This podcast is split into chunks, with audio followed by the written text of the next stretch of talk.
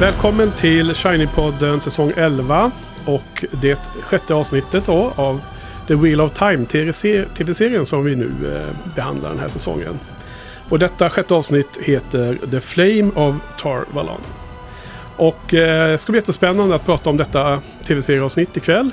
Det här var det avsnittet som Brandon Sanderson hade eh, sagt tidigare före serien började att, att avsnitt 6 var ett 10 av 10 i hans ögon. Så att eh, personligen hade jag väldigt höga förväntningar. Eh, I varje fall. Men med mig som vanligt har jag här till vänster Marcus. Hallå! Mitt emot mig har jag Johan. Tjena, tjena. Tjena.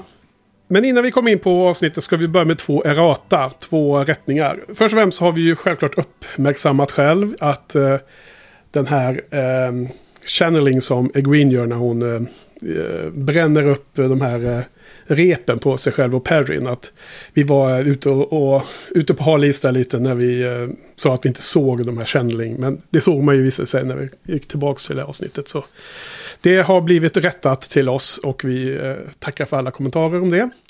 Och det andra var ju att den här joddlingen som jag då kallar den, det, det har, ju, det har ju skapat en, en, Den största strömmen av kommentarer hittills från den här säsongen är ju att det heter ju då kauking. Kaukning? Kaukning, ja. Jag kollade på Wikipedia för att jag var inte helt uh, med i matchen, uppenbarligen. Ja, det var jag som sa det felaktiga ordet.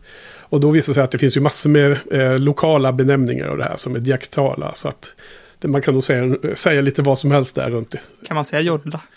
Ja, man skulle ju önska det, men så.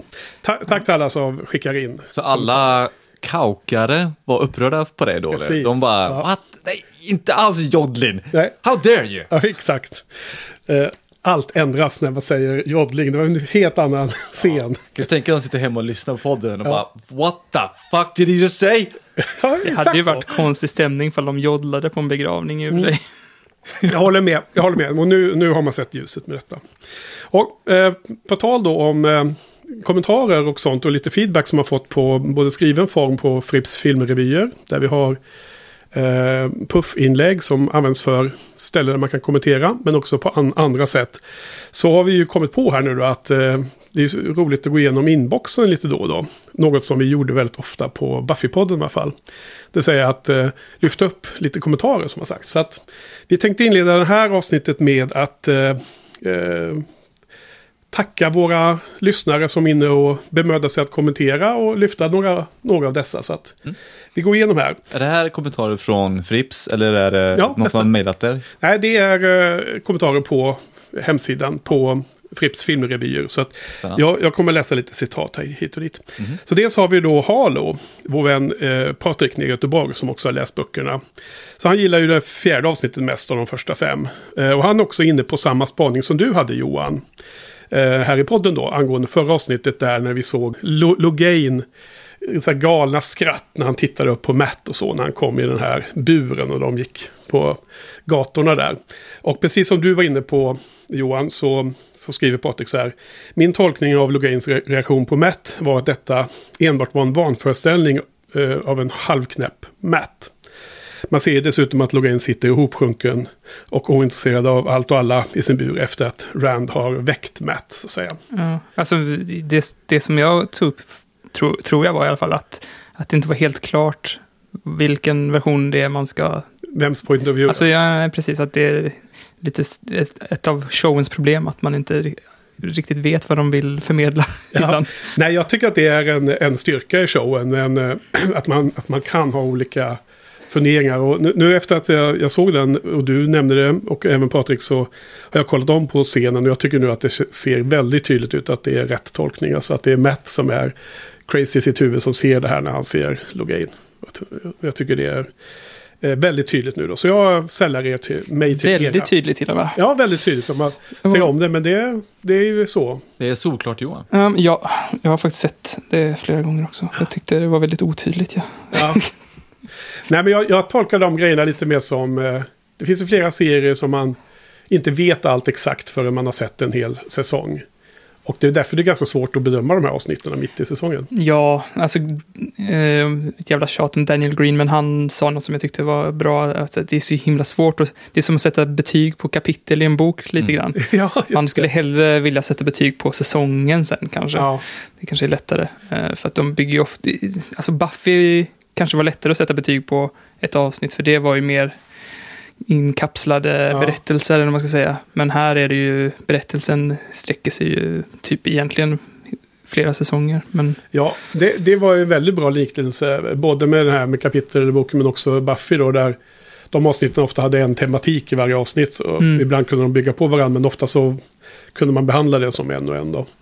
Eh, nej men precis, det, det, det, det blir ju svårt att spekulera i vad som är otydligt och tydligt kontra dåligt genomfört eller inte. Det kan ju vara men jag, jag har jämfört tidigare kanske i podden, jag kommer inte ihåg, eh, med både Westworld där man såg en hel säsong utan egentligen förstå vad man såg. Mm. Det blev en ganska häftig upplevelse när man, man väl gick i mål.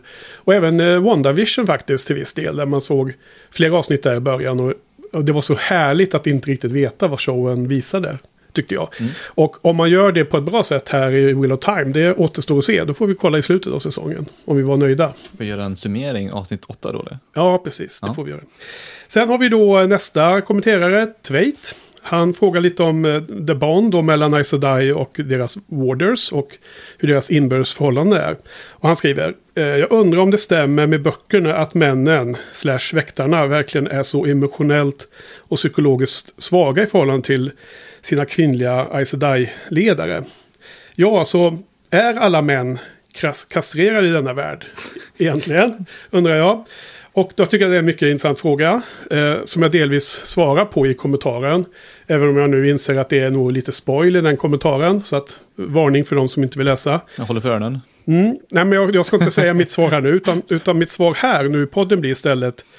Eh, angående, finns det några starka manliga karaktärer i den här serien? Och då svarar jag Wayfo, Watch and Find Out, som är en populärt svar. Där man närmar sig spoiler. Ja, men jag tycker att eh, jag håller inte ens med om eh, frågan. det är för att eh, jag tycker att man kan vara liksom emotionellt superstark och eh, även eh, fysiskt superstark utan att vara huvudpersonen eller ledaren. Jag tycker att att Lan kan vara superbra emotionellt stöd åt Moraine. Mm. Eh, och eh, det är ju inte helt vanligt att det är så. Det, nu har vi ju pratat mycket om Buffy och sådär, att Giles kanske är det stödet för Buffy, men i vanliga fall så är det ju verkligen inte så. Nej. Så att jag tycker tvärtom att eh, Lan är ju ovanligt, ovanligt stark emotionellt eh, mot vad det brukar vara. Liksom. Mm. Ja, Ofta med. ganska fragila manliga egon i många sådana här mm, action ja. Eh, backade serier och tv-filmer. Precis. Nej, men jag håller helt med och det är väl lite en fräschör över den här storyn att det finns ett, eh, en eh, variation på den vanliga standarduppdelningen just mellan könen också. Håller helt med. Sen har vi Joel som har skrivit, eh, som jag tror är från, eh, kan vara från den svenska Facebook-gruppen, Wheel of Time. Okay. Eh, han har en mycket intressant spaning rörande, rörande Naives blixtsnabba utveckling under avsnitt fyra då, när hon eh, i slutet där räddade alla och eh, gjorde Raging så att, Sun. Ja, exakt, den där scenen. Så Joel skriver så här. Förutom att Nynaeve-explosionen är väldigt läglig och underminerar Nynaeves tillväxt som karaktär tycker jag också att den förstör Moraines karaktär. Jag tycker inte att Moraine ska bli räddad av Nynaeve på ett sånt här sätt så pass tidigt i serien. Att Nynaeve räddar Moraine förändrar dynamiken mellan de två och mellan Nynaeve och Aes Sedainerna. det här tycker jag är en superintressant spaning. Mm. Och sånt som jag tycker är otroligt intressant att eh, diskutera och följa diskussionen på nätet. Eh, men det är också väldigt svårt att diskutera det här utan att hamna i spoilerområdet. Så att det är nästan enkom för bokläsarna mm. som liksom vet vad eh, Joel här eh, menar med de här förändrade dynamiken och förändrar, förändrar liksom relationen. Eftersom det är den långsiktiga relationen jag tror att han menar här. Så att jättespännande. Sen kan jag bara som en passus säga att från att ha gått från att vara en väldigt varm och välkomnande fandom det här med Wheel of Time. Så tycker jag att om man, i alla fall om man följer på Twitter så har det blivit så här super toxic nu. så, så, nu är det liksom, eh, antingen så ska man älska showen över allt annat. Eh, och älska alla förändringar, oavsett vad det är. Mm. Eller så är man en asshole, eh, vit eh, man som är liksom helt eh, upphetsad över att boken måste följas till ord och pricka. Eh, punkt och pricka. Det finns liksom inget mellanläge. Det finns inget mellanläge. Är du förvånad att folk är så på nätet? På Twitter till och med. Ja, Twitter av alla ställen. Ja, att det är på Twitter är jag inte förvånad. För det, är, liksom, det, är bara polarisering där, oavsett vad det handlar om. Mm. Uh, jag vet inte exakt hur det är i olika Facebookgrupper eller på sådana här Discord-grupper och sånt som, som finns runt olika de här YouTube-mästarna eh, och så inom genren. Wheel of Time. Eh, jag har inte haft liksom tid eller gått igenom det så mycket eftersom det är mycket annat här med, med mm. podden.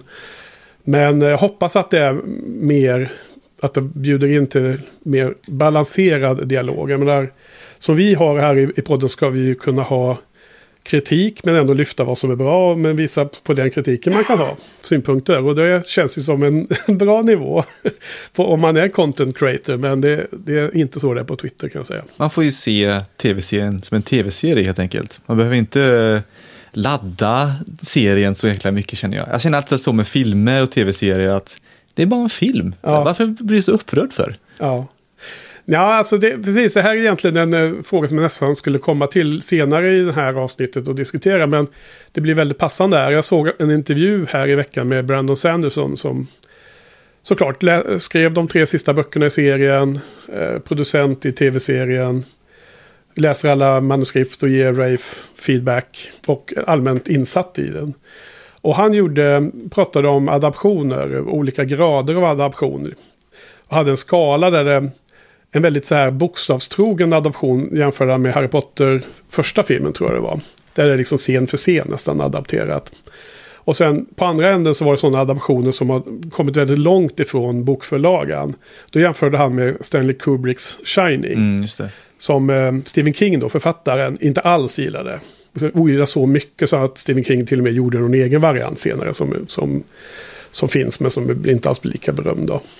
Och då så, så, så, nu den här veckan, fram till jag såg den här intervjun med Svensson så trodde jag att den här adoptionen var ganska trogen boken. Men att man tar bort massor med skeenden och man byter på massor ordning på saker och ting. Men att det ändå följer storyn ganska väl. Pratar du om The Shining nu? Nej, nu pratar jag om The Wheel of Time. Det var okay. min förväntning. Det var det jag hade fått uppfattning av när man läser intervjuer med Rafe och andra. Mm. Men Brandon Sanderson säger att den ligger ju på över mittenpunkten mot The Shining till. Närmare The Shining än Harry Potter. Okay. Eh, då blir ju helt plötsligt allting, då är det ett helt nytt game för mig. Liksom. Det, det här är en game changer att få den insikten från Sanderson som har en större blick, inblick i vad som pågår och mm. vad som ska ske och sådär.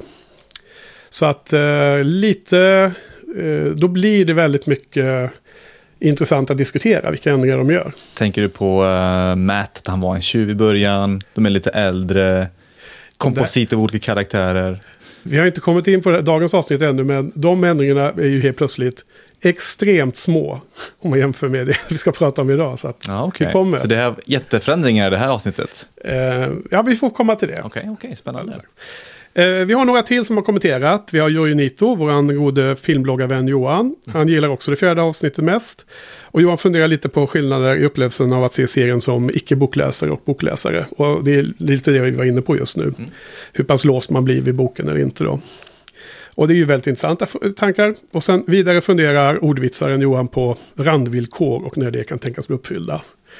Vad betyder randvillkor? Det är en matematisk term. Att man... Eh, Jävla nörd.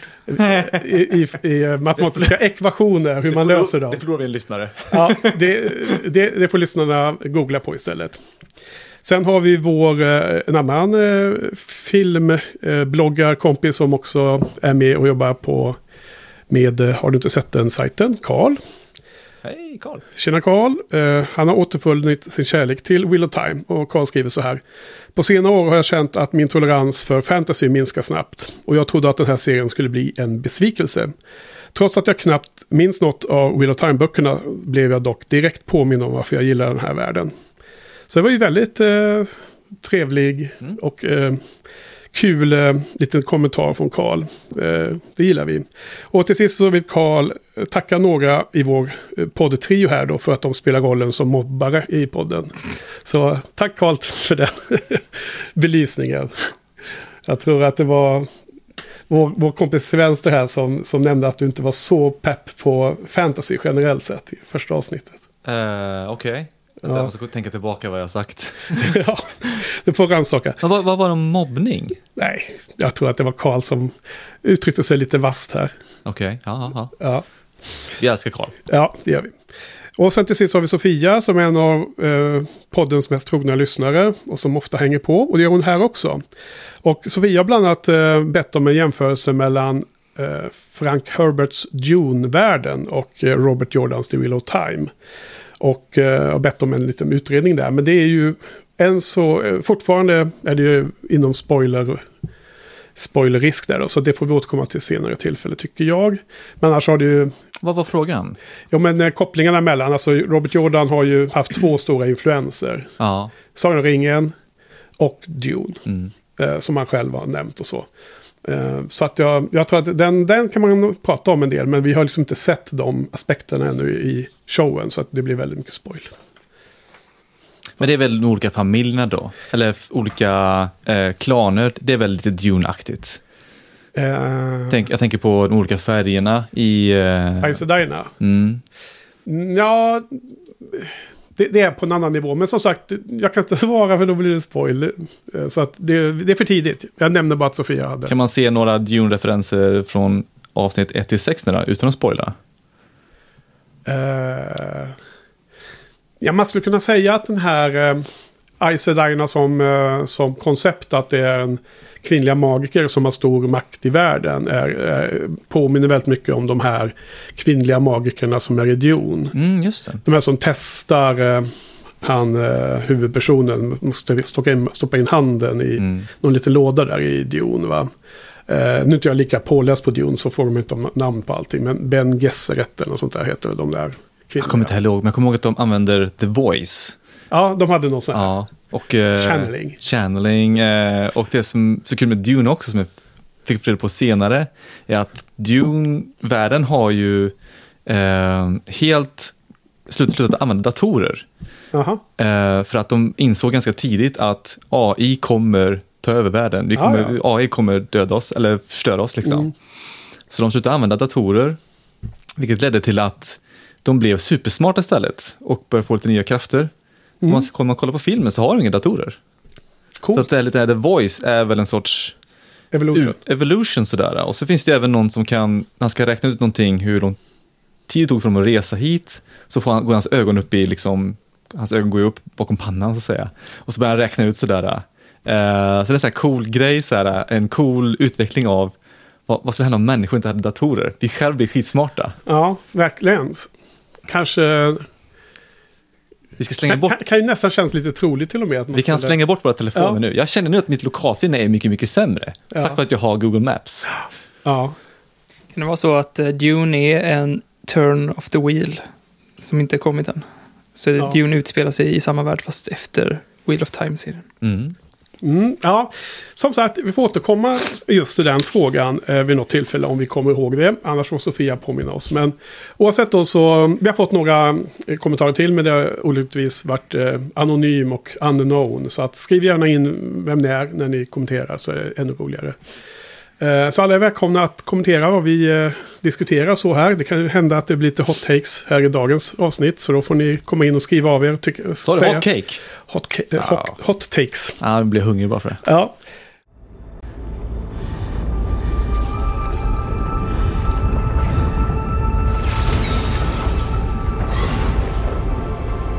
Is it too late to change my mind? Men okej, okay. eh, det sjätte avsnittet. Eh, The Flame of Tarvalon heter väl det. Och eh, vi får börja med allmänt, vad tycker du? Du får börja Marcus. Mm. Dagens uh, avsnitt. Jag tyckte, jag har ju, serien har ju gått upp lite sakta men säkert eh, med betygen. Jag tyckte det här var ett steg bakåt. Jag tyckte att de eh, lite trampar på samma ställe nu igen.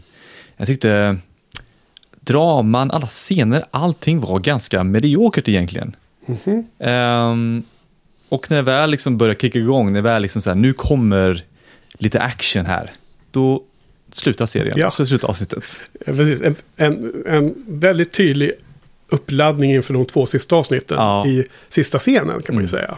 Så det är ju, nu börjar vi liksom närma oss säsongsfinalen då. Ja. Uh, de bygger upp till det. Uh, nej, men jag tyckte faktiskt det var ett ganska tråkigt avsnitt.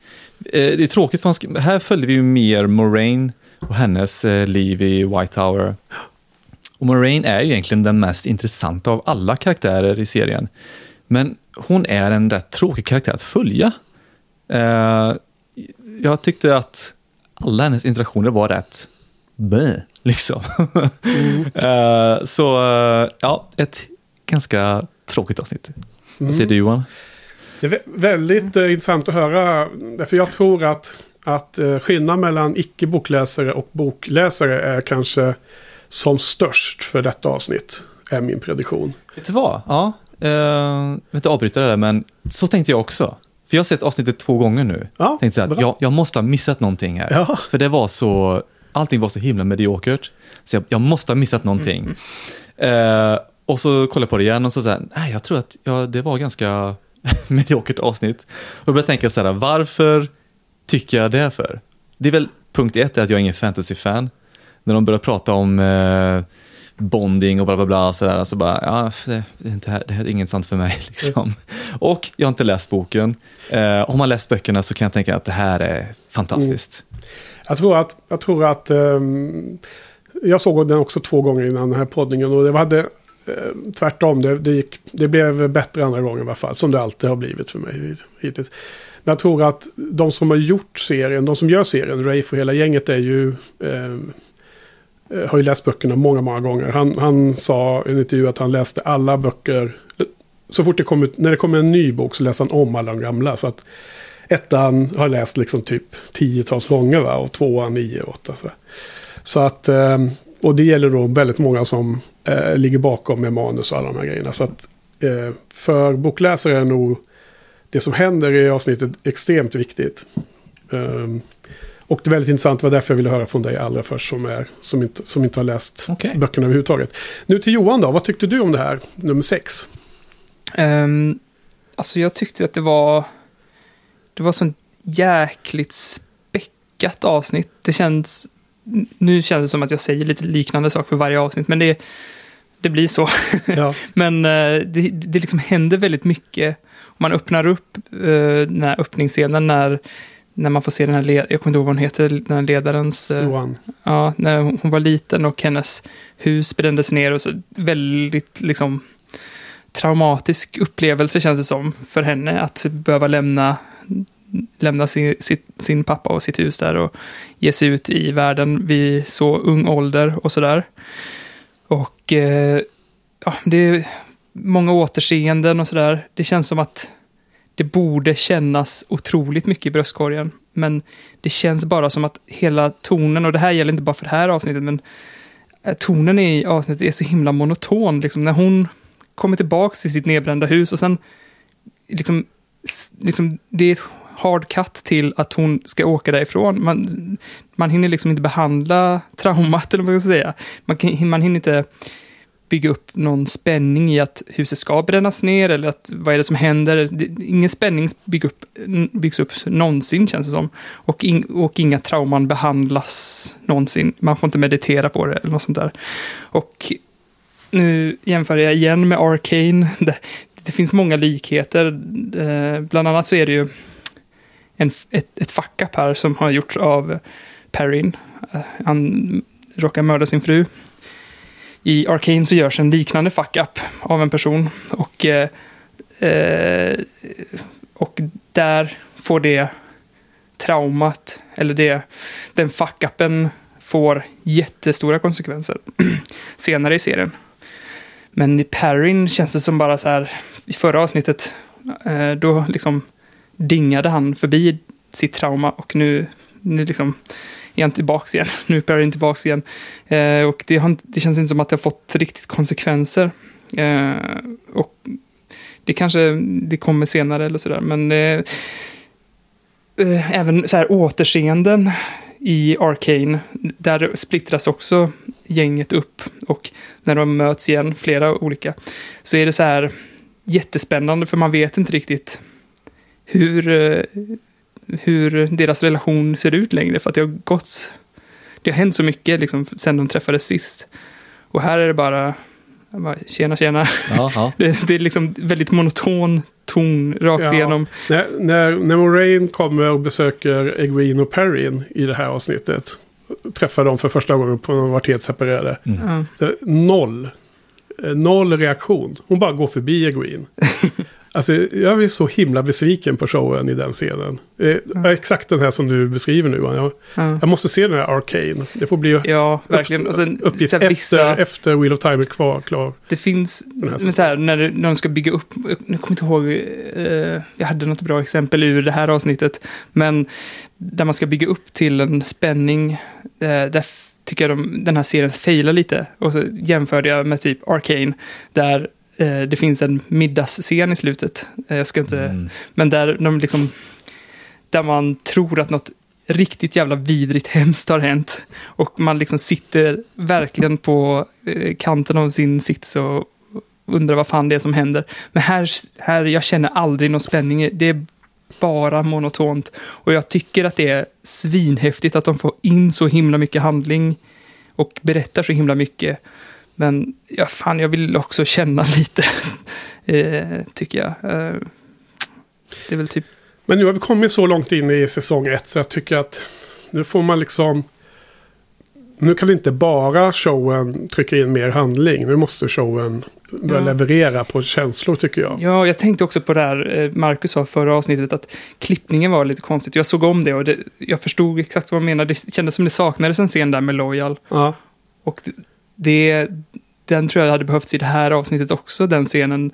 För att helt plötsligt är Loyal en del av crewet, men fast man har knappt... Liksom... Man får se tio sekunder Moraine frågar honom om en tjänst. Nu är han med i gänget då. Ja, ja men... Det, det, är väldigt mycket som sker som man bara förväntar sig att, att uh, tittarna ska bara ska förstå och köpa in på. Men jag tycker att serien liksom försöker få det framstå som att det här är liksom ett crew som verkligen har eh, frammejslats. Fast en av dem är ju bara, har bara slängts in där. Mm, ja. Okej. Okay. Eh, så ganska bistra eh, åsikter Ja, alltså det blir jäkligt vasst och syrligt. Men jag tycker ju också så här att karaktärerna, om jag ska vara lite snäll också, så karaktärerna... Balanserad, inte snäll. den, den, karaktärerna växer hela tiden. Mm. Jag tycker karaktärerna blir bättre och bättre och skådisar, jag tycker skådespelarprestationerna också blir bättre och bättre och jag gillade jag tyckte politik, till och med i Arcane som jag lyfter så himla mycket, så tyckte jag politiken var bland det tråkigaste i den serien. Och det tyckte, så kände jag lite här när de var i The White Tower och började prata politik. Och när hon skulle så buga för den där White Tower-chefen. Mm. Och, eh, mother. Ja, Mother. Då kände jag så här, nej, det här är... Och sen så när det visade sig att hon var en eh, både mother och lover, ja. då kände jag att det var det var skönt att eh, den maktdynamiken ändrades lite där, för det kändes för stereotypiskt där ett tag. Så det tyckte jag om, att, att det inte riktigt var som man förväntade sig där i alla fall. Ja, det var ju skönt att den, den twisten fick en payoff hos dig i alla fall. För det är, ju, det är ju som igen ett avsnitt som nästan typ inga scener finns i böckerna. Mm. Uh, I alla fall inte rakt av. Uh, så att jag har ett ganska långt för, för, förberett eh, allmänna åsikter om avsnittet. För att det är så pass eh, många parallella tankar här så jag är tvungen att eh, samla ihop mig och skriva ner det här. Alltså, nu kommer det bli ganska kritiskt. Och, men jag, jag, tyckte ändå att det fanns scener i det här avsnittet som var otroligt bra. Och karaktärsdrivna scener som jag gillar som jag kommer återkomma till. Men här, nu, nu, nu, kör vi här då, så får bokläsarna eh, gärna ta, ta ett andetag och se om, om, om ni köper de här eh, analysen jag har gjort över det här. För att om avsnitt 5 då var för mig det allra bästa avsnittet hittills, som jag då sa berodde på att det var en känsla av Wheel of Time. Det var exakt det som jag i början av säsongen sa att jag såg, så, så, eh, såg fram emot. Så oavsett om de har flyttat på massor med scener och tagit bort massa scener och till och med adderat massa scener för att visa saker. Så var det ändå liksom with a time feeling och det var jag väldigt nöjd över. Så är det sjätte avsnittet helt tvärtom. Um, så det här var ju hittills det svåraste avsnittet att ta sig igenom egentligen. Och, och, känna den där feelingen. Så i princip alla scener är ju nya eller förändrade jämfört med boken. Men det är i sig inte orsaken till att det inte kändes bra. Um, så, så det har inget med ändringarna. Jag, jag, har blivit så känslig nu när man är ute på Twitter och ser att så fort man nu som ens vill diskutera förändringarna mot boken för att man vill förstå hur de har tänkt och sådana saker. Så blir man bara... Eh, då är det liksom blankt nej. Ingen sån diskussion får, får ske. Men här i podden så tar vi upp det. Jag kommer att vara väldigt frank idag. Eh, så jag, jag, tycker att det, det är inte ändringarna i sig utan det är när de ändrar på karaktärerna. Och, och karaktärernas innersta som, som det blir problematiskt. För, för på grund av att det är ett visuellt medie så måste ju vissa saker ske. Och igen, det är inte det som är problemet. Men jag upplever att showen pumpar upp massor med scener och går liksom för... Det ska bli en sån här twistar och chockscener. På bekostnad av karaktärernas integritet. Och då blir det ett rejält problem tycker jag. Mm. Så det är inte alls så dåligt som Game of Thrones säsong 8. Men det är liknande. Det, därför om ni kommer ihåg, där, där skulle all drama komma ur chock, chockscener. Oavsett hur ologiska de var ju. Uh, och jag känner lite som att nu står showen och väger lite för mig. För att om Rafe och showen kommer fortsätta i den här riktningen med Wheel of Time. Så kommer det inte bli så bra som jag hoppas att, att, det, att det skulle blivit. Liksom. Uh, så Rafe säger i Behind the Scenes att vid det här läget behöver man mer fokus på Moraine. Precis som du uh, lyfte upp Marcus. Mm. Och för att förstå, hennes, förstå henne och hennes drivkrafter. Men jag tycker att han missar målet här ganska rejält. För Visar han ens upp hennes drivkrafter? Eller fokuserar han inte egentligen bara på hennes kåthet och hennes eh, härliga gay sex? Och hennes här? hemligheter. Ja, och de, allting kommer ifrån att, som de säger i det här avsnittet, det är inte jättetydligt, men de hänvisar till att Moraine och Suan såg eh, när Gitarra Sedai fick en foretelling, alltså en, eh, hon, hon sa ett, eh, ett uttalande som var liksom som ett förebådande eller vad det nu heter på svenska. Nämligen att hon kände, hon såg i någon inre syn att nu återföds The Dragon. Och då var Moraine Suan där. Eh, så att de vet alltså exakt när draken blev återfödd, The Dragon. Eh, och det var då de tog på sig, eh, det var i denna scen som Moraine och Suan tog på sig att i hemlighet söka rätt på The Dragon Reborn och hjälpa honom att bli den han måste vara inför The Last Battle. Och detta beskrivs i Newspring och det har nämnts här nu i det här avsnittet. Men det är, det är, det är inte jätteutvecklat så showen kanske återkommer till, till det eller inte. Men nu känns det som att Rafe istället spelar upp det här som att Moraines drivkraft är någon sån här stor episk kärlekshistoria med Suan. Uh, eh, jag tycker man fokuserar inte alls på att hon uh, Alltså det undergräver det faktum att i böckerna, så som jag läser böckerna, så är Moraine i första hand en ehm, servant of the light. Och det är liksom en av de starkaste drivkrafterna i sagan tycker jag. Så, ehm, så när jag såg avsnittet första gången så tyckte jag att det här var helt knasigt. Det var så många grejer som var så osuddiga, otydliga. För de fokuserade för mycket på Moraine och uh, Sudai, vad heter hon? Förlåt. Su Suan. Suan. In, inte att de funnits, uh, nej utan det var allt det här som sker i The White Tower är ju adderat. I, i, i boks, böckerna så kommer de inte till The White Tower. Och när jag såg om avsnittet så har jag liksom analyserat lite mer. Vad är det som berättas egentligen? För jag har liksom bara tittat igenom alla scenerna efter varandra. Ja, vad är poängen? Alltså, Varför har de ändrat det? Gjort det med en analytisk mindset. Mm. Och jag förstår nu ungefär hur de har tänkt. Men jag håller inte med om att de, Rafe och gänget fokuserar på det, det som är kärnan i varför eh, Swan och Moraine gjorde som de gjorde. Eh, jag är liksom orolig att de nu ska göra det lite mer såpaaktigt. Att det är liksom kärlekshistorien mellan dem då. Eh, det finns ju i böckerna eh, talat om att de hade romantiska relationer när de var unga. Då. Det kallas ju för pillow friends. Pillow friends, ja. Men det är ett... Det går inte att diskutera implikationerna som den här förändringen, det är ett, ehm, ett, ett kärleksförhållande på det här sättet. Eh, utan att spoila framtiden. Ehm, antingen så kommer de att ta bort stora delar av storyn eller så kommer de mm, fixa till det här på något sätt.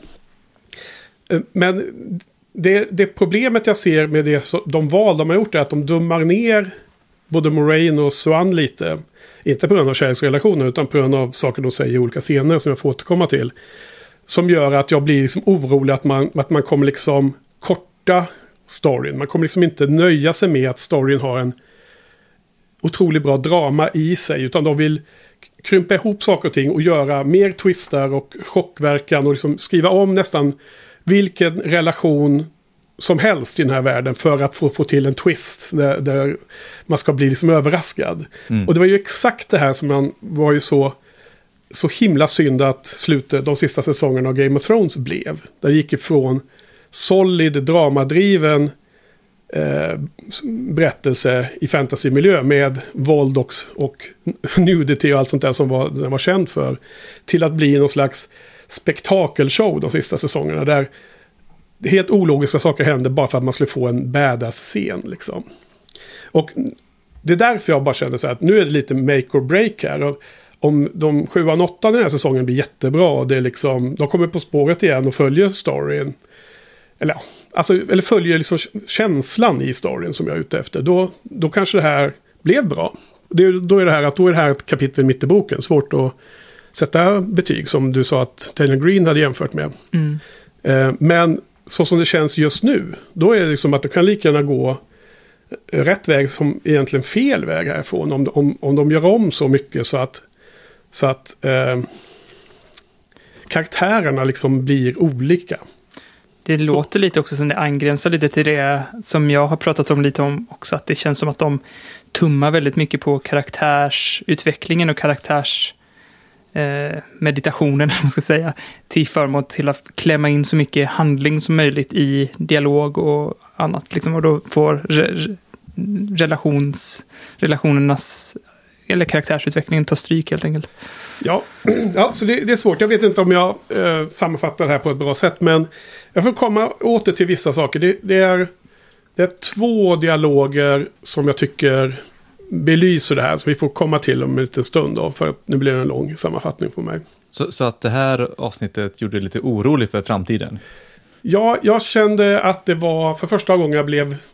Eh, um, upplevde det som att jag inte kände igen karaktärsbeskrivningarna på samma sätt. Så vilket gjorde att när du nämnde det här med att de var lite äldre i första avsnittet och att uh, Matt hade blivit lite annorlunda på de här åren som har gått och Perry har gift sig och sånt. Det blev plötsligt så här otroligt petitesser nu.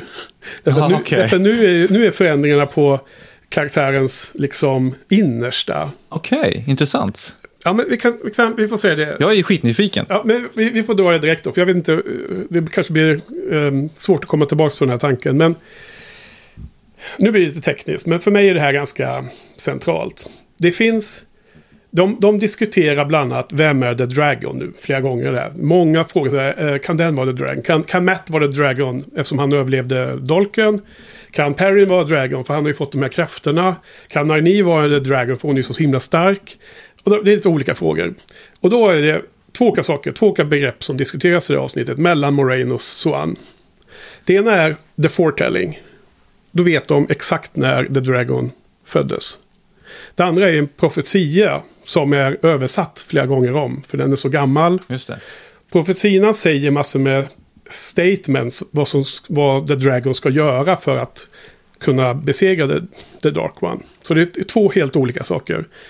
Um, I böckerna så är ju Moraine Swan bland de smartaste i The White Tower. I showen känns det som att de är bland de mest korkade i The White Tower. vilket jag tycker är en stor förändring, minst sagt. Så att när de pratar om specifikt Nynaeve, då och det här sker när de har haft sin eh, getaway i den där hyddan där. De är i något regnskog låter som. Det är Oscar och så här. De har sex och sen efteråt så sitter de och pratar. Och då, då börjar de prata om Nynaeve, men det måste vara hon ju för att hon är så stark. Men hon är 25 eller 26 år säger de. Och då, då börjar de helt plötsligt prata om The Prophecy. Vilket är malplacerat, för det enda som berör Nynaeve, The Prophecy handlar om The Dragon och vad som ska uppfyllas för att The Dragon ska liksom vara The Dragon. Massor med grejer.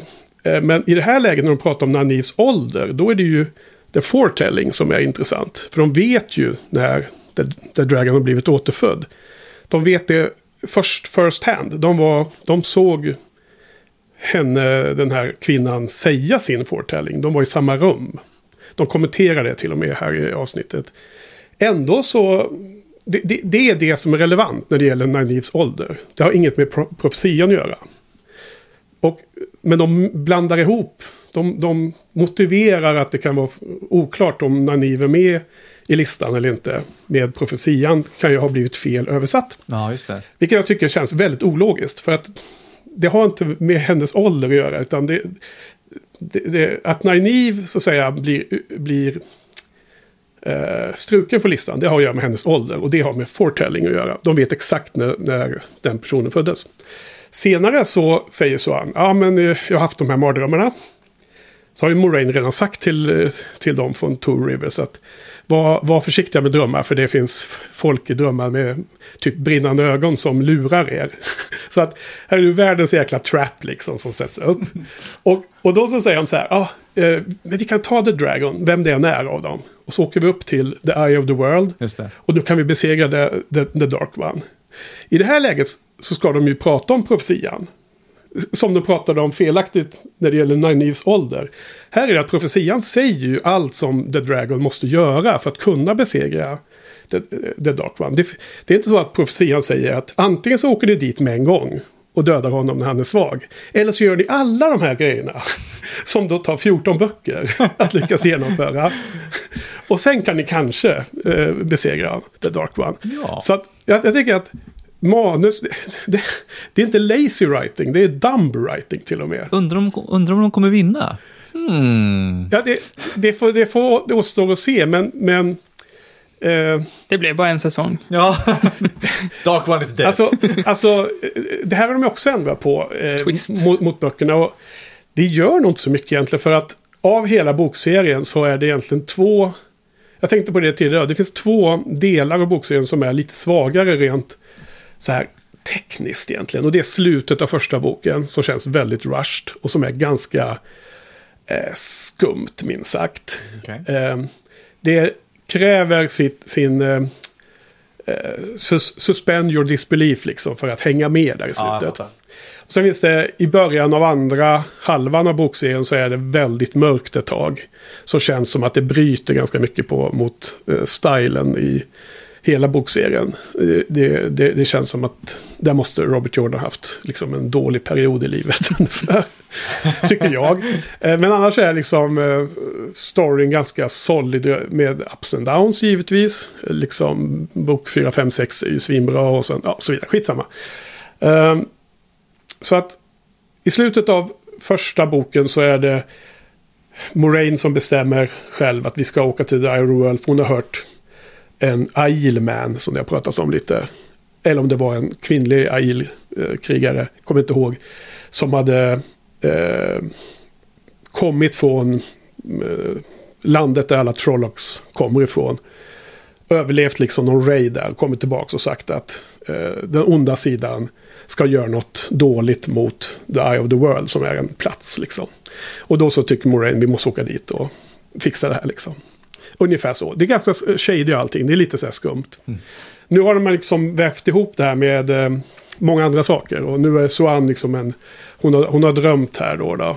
Och ja, många på internet pratar ju också om att det här är en trap. Och jag tror att det är liksom det. Det, det, det känns så med en gång att... Jag vet inte, hur uppfattar ni? Uppfattar ni som att det skulle finnas en Dark One där? Eller hur, hur såg ni på den Säg, sägningen. Nej, jag, jag, spekulerade inte ens kring det. Utan där, jag bara... Jag känner bara, jag, jag fattar ingenting. Jag bara hänger med här nu. ja, men så blir det kanske. Men om vi bryter ner lite så har vi sett ett antal av de här drömmarna som eh, Perrin och Rand har fått. Mm. Har vi väl sett. Vi har, inte sett, har vi sett någon som Matt har haft? Det tror jag inte. Vi, nej, nej, det kanske vi inte har. Eh, men i alla fall. eh, Nej, just det. Ja, jag, funderar, jag tänker tillbaka om jag sett Matt någonting, men jag funderar på om kanske om den här Dolk kanske var... eh, Nej, var, han såg ju fladdermöss ramla ner från himlen. Ja, han det, hade haft såg drömmar. det såg ju alla. Just det. Han, han såg ju dem, han har säkert haft många mardrömmar, men vi har ju aldrig fått se dem i bild menar jag. Ja, du menar dolkdrömmar? Eh, mardrömmar från, med en eh, man med brinnande ögon har vi sett från bara Rand och Det var länge sedan vi såg en sån dröm. Ja. Här, här, eh, ja, som sagt, det här, är ju, det här är ju, har de hittat på för showen. Alltså det, man får ju aldrig följa Suan som pratar om några mardrömmar på det här sättet. Mm. I den här punkten i storyn liksom. Så att här, är det, här kan man ju spekulera lite hej vilt. Men jag menar, det känns ju inte så avlägset att det finns fler som får mardrömmar som verkar skumma liksom i en Mm. fantasyvärld. Men hon är väl också en, en av de starkaste i eh, White Tower. Så att, så att hennes drömmar betyder väl lite mer antar jag. Ja, precis. Nu sa du en annan helt ologisk grej. Som jag inte ens har hunnit tänka på. Men tack för den, Marcus. Jag menar, Vad sa jag nu? Eh, hon sa att hon är den starkaste Aes Ja. Sedai, och det stämmer ju. Och i den här världen, men kanske de har skit, ändrat på det också då, men i, normalt sett i böckerna så skulle ju Sedai kunna bara skärma sina drömmar. De får ju inte några mardrömmar överhuvudtaget av det här slaget. De kan Okej. inte bli besökta i sina drömmar om de skärmar dem. Jaha. Vilket gör att då blir den här, den här premonition eller det här budskapet som hon har fått ännu mer skumt. Eh, har hon skärmat sina drömmar eller inte? Liksom? Kommer det någon ute, utan, utifrån som kan liksom Mm. meddela henne vak, eh, vare sig en, en, en, en sann sak eller ett lur? Mm, mm, mm. Det skulle inte ske i böckerna om hon kunde göra det. Ja, ja, ja, jag, jag känner i alla fall att det, det... Det här är så olyckligt att... Eh, tvärt emot vad vi sa tidigare, att det är kul med en show som, som har massor med saker som man får nyckla upp längs tiden, li- likt Westworld eller WandaVision. Så är det väldigt tråkigt när det blir den här typen av saker. Att så fort man börjar analysera vad de egentligen säger så hittar man så här rent logiska eh, fadäser. Liksom. Ja. Eh, Och ska de börja ändra på massor med grejer? Att inte profetian betyder vad, vad, den, vad den betyder i boken. Eller vad, att den här foretellingen inte är exakt i tiden. Det kanske inte var då han föddes. Eller han eller hon föddes. Då, då börjar man ändra på så mycket så att då är det ju liksom... Då är det inte samma story ä- längre. Det är det här som jag bara känner en vibe av nu. Så nu vill jag verkligen att showen ska komma tillbaka på rätt spår här. Mhm. Med sjuan, åttan. För liksom, nu, nu är det som, snart en avalanche av ändringar. Och så Ja. blir det någon slags kärlekshistoria det här. Bara. De gör en 180-vändning där, tillbaka till eh, rätta, spåret. Ja, alltså lyckligtvis så kan man säga att när de väl går in i The Ways, som man såg, den här porten. Då, då kan man vara tillbaks på spåret helt och hållet jämfört med böckerna. Och det är väl det vi får hoppas att de är då. Mm. För de var ju aldrig i White Tower i första boken. Nej, jag fattar. Men då, då, har vi, eh, då har vi representerat. Alla har sina issues med det avsnittet. Men låt oss gå, gå, gå vidare här då. Lite paff att, eh, att du inte älskar avsnittet. Ja. Jag tänkte att jag kommer vara den vresiga personen idag som så här, eh, tyckte inte om avsnittet medan tänkte att du skulle vara så här, ah det var helt fantastiskt när Moraine träffade alla de här liksom. Så jag blev lite paff att du Ja, att, har den åsikten. Ja, jag tror att jag... Ja, jag, jag är också väldigt paff att det blev så. Ja. Jag hade så stora för, förväntningar på det efter att jag förstod på den intervjun jag, läs, jag såg med Brandon Sanderson eh, att, att det var just det här avsnittet som var hans... Han sa att det fanns ett avsnitt som var 10 av 10 under säsong 1. Ja, det är ju intressant. Hade han sagt. Okej. Eh, och jag var, hade ju eventuellt då, eller uppenbarligen för höga förväntningar. Och det är klart att då faller man ju längre också. Mm. ja. Alltså det är så intressant att höra att det finns så mycket olika åsikter kring den här. DN hade ju en så här tips precis, eller vad det kallas, fem bästa grejerna den här veckan. Och då var Wheel of Time en av de fem Mm. bästa grejerna. Nice. Och eh, de, de sa bland annat, ja men det är, det är lite Vampire Diaries över skådespelarna, men det bidrar bara till den magiska världen typ. Men jag har inte sett den så jag vet inte vad, vad, hur referensen de ska är väl bara tolkas. jävligt snygga där. Jag har inte sett Jaha, Vampire okej. Diaries heller, men det är... Snygg. Ja, men... Är det med Skarsgård? Eh, Är det... Ja, vampyrer? den äldsta var Alexander. Ja, just det. Precis. Eh, men hans True Blood eller? True Blood, ja just det, just det. Ja, det, det, är, det är två olika. Han är med i den som utspelar sig i södern va? Ja, jag tänker nog på True Blood. Uh, Vampire Diaries har jag nog... Ja, men det är nog bara snygga vampyrer som går runt och är sexiga liksom. Ja, vi, vi, vi får... Uh, Matt var ju den enda som var... Som såg ofräsch ut i alla fall. Ja, han var lite sliten. Ja. Okej. Okay. Time to go. I don't belong there. At the White Tower. I should be here. With you. Swan. Look at me. You're gonna do great things. If any of them bastards tries to shame you, you show them who you are. Swan Satcher. Daughter of the river. Clever as a pike.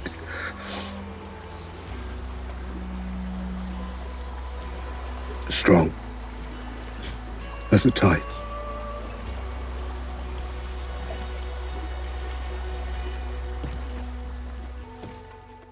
Börjar med prologen i landet Tear, där Suan kommer ifrån. Och eh, vi ser den här lilla scenen. Eh, Lite Asien-inspirerat eller? Jag såg de här typ olika, olika, nivåerna av... Jag såg ut som Asien ja. Ja, de odlar ris och grejer. Jag tänkte att det, det här var liksom så här, nu är vi ja. Vietnam-område eh, typ. Absolut, jag fick aldrig den känslan när jag läste böckerna. Men det, det har ju, det, nu får jag vara lite noggrann med att säga, det har ingen betydelse. Det, nej, nej. det, är bara en setting man väljer här. Jag hade kanske önskat att man fått se den här stora staden och den här hamnen där hon kommer ifrån i böckerna. Uh, jag har velat se den uh, staden implementerad, man säger så. Men jag är övertygad om att det är budgetfråga och så. Det, det, det kan de inte bygga upp eller skaff, hitta en sån location förrän man ska ha ordentligt med tid i tv. Man såg ju någon sorts ton i bakgrunden. Ja, exakt. Var det den staden ja. kommer ifrån egentligen? Eller? Uh, kul att du såg det, men det är bakgrunden. Och, nej, men man såg ett, någon form av slott eller någon form av stad var i bakgrunden. Mm. Och det, det bör vara staden Tier som är huvud, huvudstad i landet Tier. Det är samma namn på dem. Um, ja, och sen du har redan pratat lite om den här scenen. Jag tyckte du, du beskrev väldigt väl vad som är olyckligtvis väldigt så här, snabbt och lite forcerad. Um, det ska ändå bli en superkänslig uh, avsked mellan pappan och dottern. Och man får inte full payoff. Jag håller med om det Johan, som du sa exakt. Att det, det känns inte i bröstet lika mycket när det inte riktigt ger liksom åskådaren tid att ens liksom hinna tänka tanken. Men hon ska väl inte, han, ska, han ska väl inte behöva skicka iväg dottern nu. Så man pratar ingenting om att i det här landet så är det eh, liksom förbjudet att, eh, även för kvinnor att använda channeling. Och man, man, man förklarar inte riktigt vad det här tecknet Nej. på deras nedbrunna dörr betyder. Nej, det, det hade jag inte koll Men jag kände ändå att, så att, att det förklarades när de var på båten där att hon inte fick, för han bara, nej men du får inte, ja. Eh, du får inte hålla på med den där mm. magin. Så jag tror att man förstod det i alla fall. Även jag som inte hade koll på det. Nej, men jag, ja. Ibland känns det som att de nästan räknar med att man har läst böckerna. Trots att de hela tiden säger att man måste göra den här showen för de som inte har läst böckerna. Och jag menar, kunde de som stod inne på stranden då, som brann, brände ner Swans pappas hus, se då att den här lilla knuten öppnade sig? Ja. Jaha, det har man bra ögon.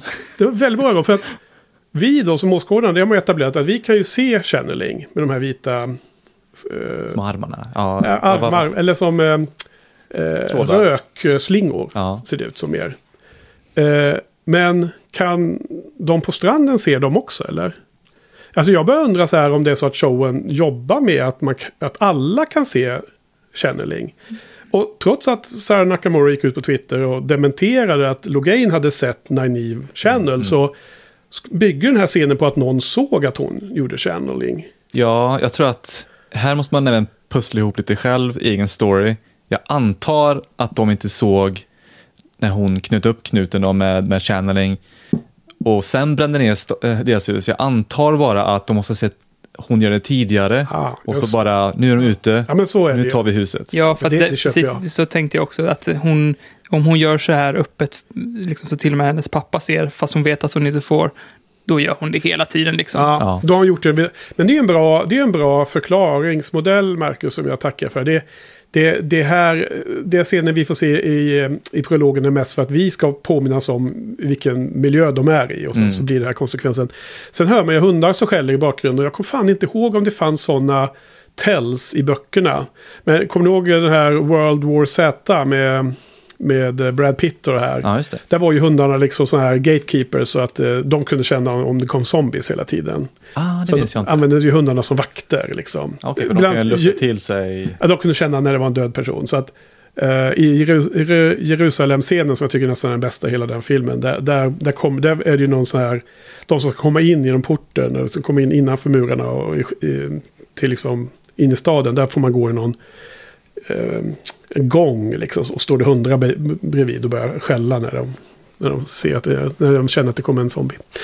Ja, men jag, jag tycker i alla fall att eh, den här Du tänker att det var hundar i den här scenen Ja, som ja. kunde lukta till sig Ja, channers? men jag, jag, jag, jag la märke till att det skällde hundar när jag såg den andra gången. Och så tänkte jag att upptäcker man någonting så har det någon betydelse. Liksom allting är så jävla komprimerat i, Ja. den här, i den här serien. Så att vad man än ser eller hör som man överhuvudtaget kan notera måste ha någon betydelse. Tänker, jag nu, tänker jag nu. Ja. Så är det liksom. Så att hundar skällde och så började jag tänka, fanns det, det aspekten i böckerna? Och jag, jag kan kasta ut frågan till de bokläsare som, som lyssnar nu. Det, kan ni hjälpa, oss, hjälpa mig att komma ihåg om det här hade någon betydelse i böckerna? Mm. Eh, men sen så tycker jag att det är ju en given sån här eh, plantering av den här säg, sägningen som Moraine säger när de, när de ska, eh, den här Oath-scenen i slutet. Så säger pappan de här orden till, till, till, till dottern här.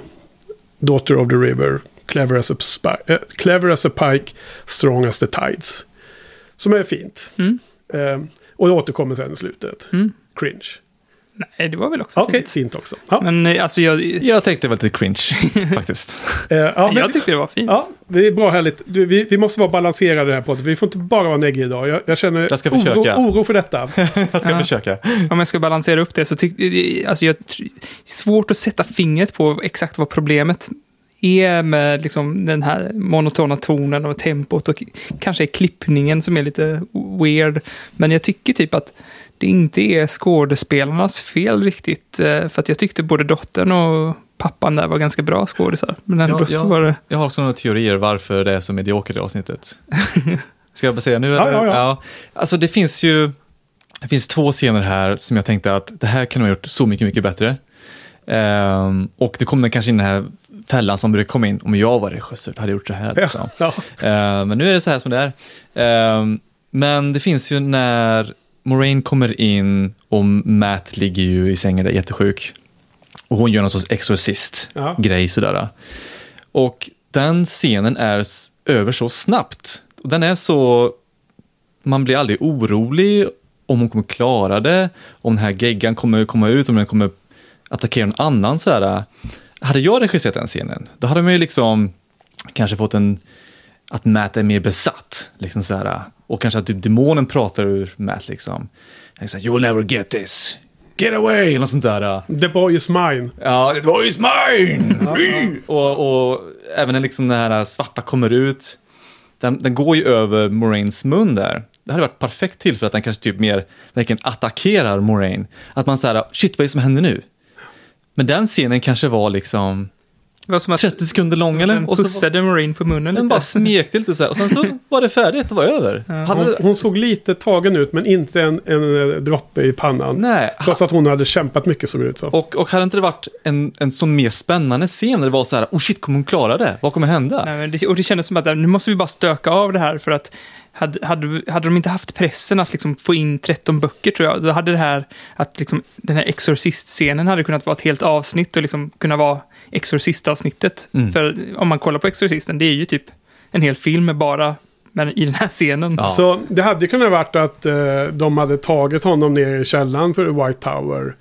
Och det har varit typ sex stycken jättestarka Aes som fick kämpa jättemycket tillsammans för att besegra den här eh, kraften som höll Matt och demonen eller den här ondskan från Shadow Logoth. Mm. Och att, att, att liksom alla skulle vara helt slut efteråt. Och liksom, Ja. Det skulle vara en stor effort och, och en, liksom en slags känsla av att ska det lyckas eller ej. Mm.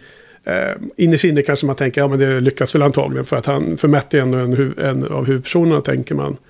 Eh, så hade man kunnat tänkt sig att det skulle kunna blivit. Istället var den bara, nej, nu var det över. Alltså, så Ett jag problem mindre. Ja, ja, precis. Jag undrar till och med om han egentligen är helt helad. För, för att han såg inte så här superfräsch ut direkt efteråt. Utan det, man undrar lite, kan det vara så att hon har, Moraine har lyckats ta bort den mest akuta problematiken Mm. runt uh, The Dagger. Sen ser man ju att, men man ser ju inte riktigt vad som händer, men det verkar som att Lan lindar in den i en handduk och sen tar iväg den. Liksom. Så, att, så att den förflyttas ifrån Matt nu lyckligtvis. Ja, faran, faran är väl inte helt över där. Så, Moraine sa väl det att om Matt hittar den här dolken igen, men han gör någonting liknande, då är han körd. Då är det kört. Ja. Ja. Precis, så att det finns någon spänning kvar i alla fall. Mm. Ja, ja det, det var det ena. Var det någon annan scen du skulle regissera om? Ja, eh, sista fem minuterna när de öppnar portalen. Ja, Eh, jag är ju animatör och jobbar lite med filmreklam sådär. Och från mitt perspektiv, när, när man ska animera någonting, man ska, man ska skapa en scen, en komposition, då tänker man oftast, hur kan jag göra det här så spännande och så coolt som möjligt? Hur, hur mycket kan jag klämma in för att det ska bli en fräck scen? Och hade jag, den här scenen var ju liksom en liten portal och så står ju Moraine där och så liksom gör någon sorts liten handgest och portalen bara fejdar in liksom. Hade det varit så mycket coolare om liksom det var, hon fick ju någon sorts större magi, liksom att himlen börjar förändras. Portalen, lite så här som, vad heter den, eh, när de reser tillbaka till Egypten. eh, eh, Jag tänkte säga tillbaka till Star. Stargate tänker jag. Ja, men, Ja. det är också, det är också ett bra exempel på att Mm. någonting action sker. Det är liksom, vad är det som kommer hända? Lite sådär, eh, portalen bara fejdar in. Det hade varit coolt också om bara rök väller ut sådär. Nu med atmosfären från den här världen väller ut deras värld liksom. Eh, det var liksom, vad ska man säga, det finns också när man, när man animerar och jobbar med komposition att man kan jobba i flera pass. Så att första passet är bara animationen. Nu, portalen öppnar sig. Andra passet blir effekter, man lägger på rök, sparks, eh, eld och vind och sådär grejer. Det här var bara första passet. Det här var bara, det var noll kärlek i den scenen. Men det var Mm. också så här, nästan all magi i den här serien är, känns som el, att det var, det var mer så att de liksom bara satte på en switch, en el, Jaha. en, el, en strömbrytare, ja. nu öppnar vi portalen. Men typ tillbaka till framtiden, där är det ju en grej kring hur de kommer tillbaks Ja. till baktiden. ja alltså... Att det är liksom en komplex eh, handling att, eh, med bilen och klockslag och allting måste vara rätt. Det Liksom. blixtrar och action och bilden Ja. är på väg mot dem. Det är så mycket mer spännande. Mm, alltså, ja, jag förstår vad du säger där. Men vi, vi ska prata lite mer om sista scenen i slutet här. Eh, med tanke på hur det har klippts med, med Barney Harris och karaktären Matt. Men, Matt, men eh, ja, alltså, eh, jag hör lite vad du säger. De, de har ju faktiskt jackat upp att öppna en sån här uh, Waygate jämfört med, med böckerna. Och att det skulle bli för stor grej av det. Det skulle liksom sätta konsekvenser. Det här är inte först enda gången en Waygate kommer öppnas. Och nu, redan nu så är det någon form av magi som krävs att öppna den. Vilket är ett stor, eller det är ett avsteg från böckerna och därmed ett stort avsteg. Vilket betyder att det kan inte öppnas av vem som helst. Vilket har massor med följdkonsekvenser. Och de har ju, de har bidragit till Ray för dem att ja, varenda ändring har vi dissekerat i minsta detalj för att förstå alla långt, långtgående konsekvenser. Mm. Men då tror man ju att det är liksom unika identifierbara förändringar han pratar om när han uttrycker sig på det sättet. Och nu får vi se hela episod 4, hela episod 6 och så här. Det är liksom bara nya scener. De ändrar på massor med regler i världen, massor med saker som är fundament liksom. Jag tror inte längre på att de har analyserat varenda följdverkning. För nu bara en sån sak om att ehm, Igen, det är inte ett självändamål att det är samma som i, böckerna. Jag, jag är mer orolig att de ändrar på så mycket så att det blir liksom... O, det blir eh, ett instabilt system som faller isär av sig själv. Mm. Det, är inte, det, blir inte, det blir liksom inte solid längre. I, I böckerna så är det en sten man flyttar på. Liksom. Ja. En liten knapp. Det, det är byggt av eh, The Builders, Ogiers. Och man kan ta, det finns en sten på insidan och en på utsidan. Man kan gå åt båda hållen, man kan öppna dem. Eh, här här gör, gör ju Moraine, för övrigt så ser man ju en, en eh, härlig siluett av en trebladig blomma typ. Det är så stenen beskrivs i böckerna. Så att det var ju en ganska snygg blinkning Ah, då okej. till bokläsarna. Men här är det ju helt plötsligt så är det så att Waygate ska, måste man öppna med magi. Ser det ut som. Oavsett hur, hur de nu bygger själva scenen i, i datorvärlden. Och jag bara så här, vad är konsekvenserna av det? Vilka, vilka, vilka eh, skeenden i storyn kommer nu då inte kunna ske bara för att det finns ingen magiker i de grupper av, av eh, karaktärer som tar sig genom Waygates. Mm. Alltså det blir, varje sån här liten ändring skapar chockverkningar. Du ser konsekvenserna liksom. Ja, de har ju sagt att det här var så viktigt att gå igenom. Och hon, The Book Nerds, Sarah Nakamura har ju liksom sagt att varenda liten grej har skrivits långa artiklar om. Men långa så här PMs av av henne och skickat runt bland manusförfattarna för att de ska förstå alla ändringarna. Men nu är ju mängden ändringar så gigantiskt stor så att liksom allt ändras känns det som. Men jag vill inte kommentera den så mycket mer. Ehm, Det räcker med att det är helt annorlunda än i boken. Sen visuellt skulle man kunna tänka sig mer eh, häftig öppning. Men det känns också som att det här är lite som att öppna en dörr. Ja, men Och då, då behöver man inte en häftig effekt på det. det då, då gör man den här aktiviteten till något mycket större än vad det, vad det är. Och det, det, det kan man ju välja då. Men, men jag hade inte förväntat mig det, så jag såg inte den. nej, jag, jag tänker igen liksom, varför tyckte jag allting var så himla mediokert? Och det kan tillbaka till den så här, den scenen kan det varit så, ja, igen, lite fräckare. Ja, jag Och förstår. det var bara en Ja, blink upp med Ja. scen. Ja, ja, Man kunde ju gått två vägar, eller så kunde det bara ha varit att den var öppen hela tiden och att man, de bara red in i den som det inte vore någonting liksom. Ja, det hade också varit en stor ändring. Men visst, eh, ja, men den, den är stängd. Ehm, den går att öppna om man vet hur. Det är lite som eh, i Sagan om ringen. De gick in i Moria. Mm. Det fanns en dörr där som var lite lurig att öppna eftersom man inte kom ihåg hur man gjorde. Det var så länge sedan. Mm. Eh, men det behövdes inte någon liksom... Det var inte så att det var bara en trollkarl likt Gandalf som kunde öppna dörren till Moria. Utan det kunde vem som helst göra om man bara visste hur. Ja. Men, Mellom, eller vad säger han? ja. Ja, speak friend and Ja. enter. Ska man säga ordet för friend? Ja. men den, den scenen var ju till lite för att det var så här rolig ordvits. Så här, men, men om det inte finns någon anledning till varför det ska vara svårt att öppna dörren. Om det inte finns någon anledning, varför ska men det vara svårt? I båda dörren? världarna, i båda bok- bokvärldarna så gjordes de här transportmedlen när det var fred. Mm. Så att ehm, det skapar problem i nutid när det inte är fred längre. Eh, när man inte eh, kan eh, låsa dem, om man säger så. Eller man får ett problem runt att låsa dem och sådana saker. Men eh, det är spoiler talk.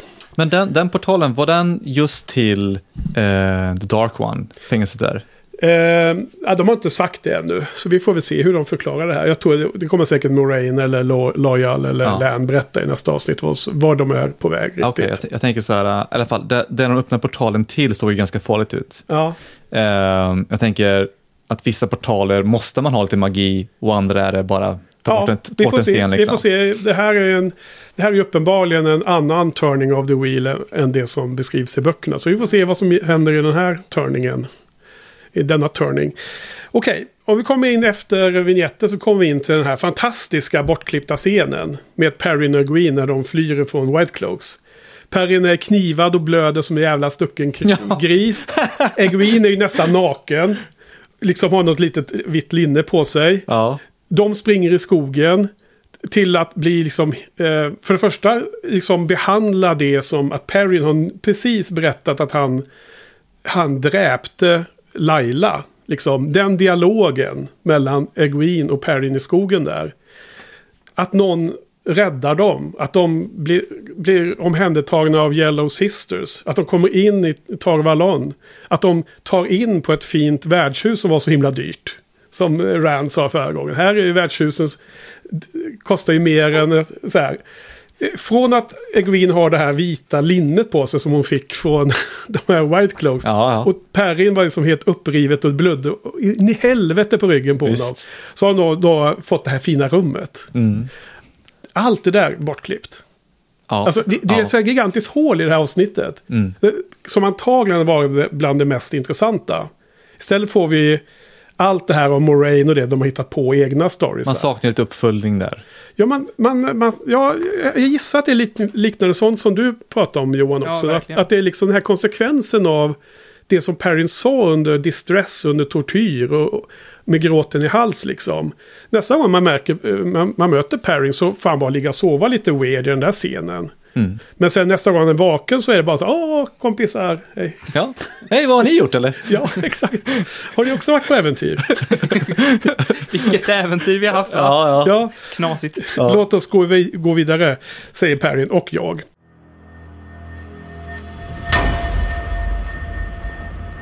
Attend you all, she comes. The Watcher of the Seals, the Flame of Tar Valon. The Amelin Seat. För sen kommer vi in, den riktiga första scenen är ju då in i the, the Hall som det heter, där, eh, där alla eh, The Amerlin Seat och eh, tre stycken sitters för, för, för varje Aja har sina stormöten. Så att de här eh, sju eh, Ajas är ju eh, med varsin färg, är ju, de har tre sådana här ledargestalter var. Det kanske ni uppfattar att de som satt runt är någon form av eh, råd liksom, eller Ja, styrande. Jag uppfattade det som att eh, det var ju någon Blue eh, Sedai där Ja. som var lite Moraines chef. Ja, eller? exakt. Ja. Hon var liksom head of Blue Aja får man. Mm. En känsla av, eller åtminstone en, en eh, betydelsefull sitter som satt där. Eh, Med horribel eh, accent. Också, Jajamän. dialekt. Herregud. gonna stay here, Ja, exakt. Moraine. Ja, men Det då, var inte hennes riktiga dialekt eller? Nej, jag har ingen aning, men det, ja, det, det tog mig ut ur, ur avsnittet. Ja, det Rejält. kändes mer som så här Game of Thrones. Där hade de ofta breda dialekter. Jo, jag vet. Jag, ja, ja, nej, jag orkar inte ta den diskussionen ens. Ja, men det, det här är då när vi introduceras med eh, Seats, John Sanche och så kommer Logain in och sen så han säger alla de här eh, elaka sakerna för han vill ju bli eh, avrättad på, på studs liksom. För han är trött på att leva nu. Han har blivit gentle och inte kan eh, få sötman från the one power längre. Vad tycker ni om den här scenen då? Var det bra? Ja, jag kände först att det här kän- kändes väldigt out of character och att det inte alls var samma härliga karaktär som vi fick i början där. Men sen, precis som du sa, så made sense när han ville dö. när jag Ja. förstod att han ville dö så förstod Ja. jag att, varför han höll på sådär. Det uppfattade jag andra gången jag såg avsnittet. Att, Ja. att det var liksom, han ville bara reta henne. Liksom Mm. såhär, ville bara göra henne arg och säga you get the fuck out of here and kill him now. Ja. Men hon så, såg ju- synade ju hans bluff där. Han fattade ju att vad han ville göra liksom. Ja. Ja. Eh, ja jag, jag tyckte att den här scenen var både en lite eh, lustfyllt rus i huvudet att se den här miljön som man eh, har tänkt sig så många gånger. Eh, väldigt annorlunda än vad jag tänkte mig också. Där. Liksom här är det väldigt eh, marmor och det är väldigt, eh, det är ett atrium, liksom, det är jättehögt ju. Varje våning, det är som ett hål i, inne i, i tornet på något sätt. Och så har jag inte riktigt tänkt mig. Men Men det, tak högst upp eller? Måste det vara? det, ja, det är rimligen va, annars skulle det ju... Regna in där. Ja, typ. Ehm, men ehm, nu måste jag återkomma, trots att jag sa, tror jag, förra veckan att det var sista gången jag skulle nämna det här med att de kallar Logains eh, lilla glada gäng som sprang i skogen för armé. Ja, Men- jag tänkte också på det. För här återkommer det ju att, att en av hans sayings i den här elaka ehm, utfallet mot Suan var ju att, att inom ett... eh, jag har fått en armé at my back within a year. Igen så spelar de upp det här som att det var det här stora liksom. De hade conquered eh, helt land och sådana saker. Och att de får den här stora mängden folk. Och det, det gör att det börjar liksom nästan tendera att hålla med det där, Marcus, att det är lite lazy writing över vissa aspekter av det här för att det ska hålla ihop liksom. Det, eh, trots vad jag lovade förra podden så måste jag ändå lyfta igen att det var riktigt konstigt att de höll på att prata om armé hela tiden där. Det en annan sak jag är väldigt oroad för det är liksom att de har gjort hela showen dumb it down. Det är liksom som att de gör alla aspekter lite mer enklare att förstå. På fel ställen. Liksom, måste de prata om armé där för att det ska hänga ihop med att han säger armé nu? Nej, det måste det ju inte. Det kan, ju, kan man ju fatta själv att om de nu har bara sagt att det var liksom en del av armén eller ett... Kalla det vad som helst som hade, hade synkat med det man såg på, på bilderna. Så att, så därför så kanske den här gången är sista gången vi har pratat om det. Men Ja. jag, jag la märke till det, Det väldigt tidigt. att repeteras. Ja, Just för att han, Logain säger själv där, I had an army within a year. Ja. Ja, det var inte riktigt menat. Ja. Eh, Sen då så eh, tyckte jag att det var eh, väldigt schysst och eh, etablera liksom Aes i världen började när Suan sa det här med att our laws protect our people from us. Liksom inte... Leandrin skyller ifrån sig tycker att vi var tvungna att gentle him för att han hotade oss. Vi kunde ha råkat illa ut. Igen var det lite så här att sju Aes skulle stå emot en hel armé och sen så precis som, eh, som han säger där så, så fightade han ju nästan på even Steven med alla dessa Aes vilket är liksom så här, det, det är lite wobbly med hur starka är de egentligen? Och, och sen då kommer det här, eh, det är helt, eh, kanske helt okej scen där då när Leandrin skyller ifrån sig. Hon spelar ju jäkligt eh, bra i den här scenen. Hon är ju så störig eller vad man säger. Hon liksom tar, liksom, hon sticker kniven i ryggen på Moraine. Ja, ja. Jag, tyvärr tyckte jag, eh, jag gillade ju Leander innan, nu tycker jag lite mindre om henne. Va- Varför? För jag har sett henne som en jäkla smart karaktär. Ja. Att hon har en plan, hon kan manipulera folk lite sådär. Ja. Här var det mer eh, Mother skäller ut Leandrin och hon bara, ja ah, men Moraine då?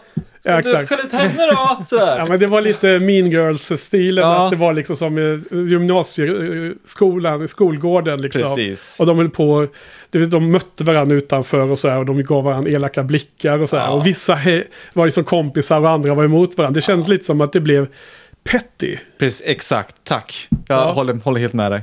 Ja, och, och jag menar, Vad, vad betyder petty? nej men liksom småaktigt. Ah, Det, ah. det, är som, Ja, det här ska det- vara super... eh, ha, det är så... Sedai har supermycket makt och supermycket influens på världen. Det kändes på å ena sidan som att det var ganska härlig på gränsen till överspel av hon som spelar Leandrin. När hon stod där och var liksom så här missnöjd med hur snacket gick. Och så skulle hon då outa Moraine och liksom sätta henne på pottkanten. Eh, men å, å andra sidan så går det ju helt emot den bilden som jag hade i huvudet. Liksom, där, där allt det här skulle ha skett med stenansikte. Och alla liksom... Eh, alla, alla tankar och alla, alla de här... Eh, Balansen som flödar emellan. Leandrin har övertaget, Moraine har övertaget, Sean, Sean har övertaget. Det skulle ske bakom en fasad. Vilket då är superdåligt för en tv-serie. Så självklart måste de visa mer känslor. Det är ju det visuella mediet. Så måste man ju lyfta upp det. Ja, alltså det, det känns som att det hade varit så jäkla... Om det var Game of Thrones, det här, det här, det här, hela den här delen hade varit så himla mycket bättre då. För de är så himla bra på att skriva sådana politiska liksom munhugg.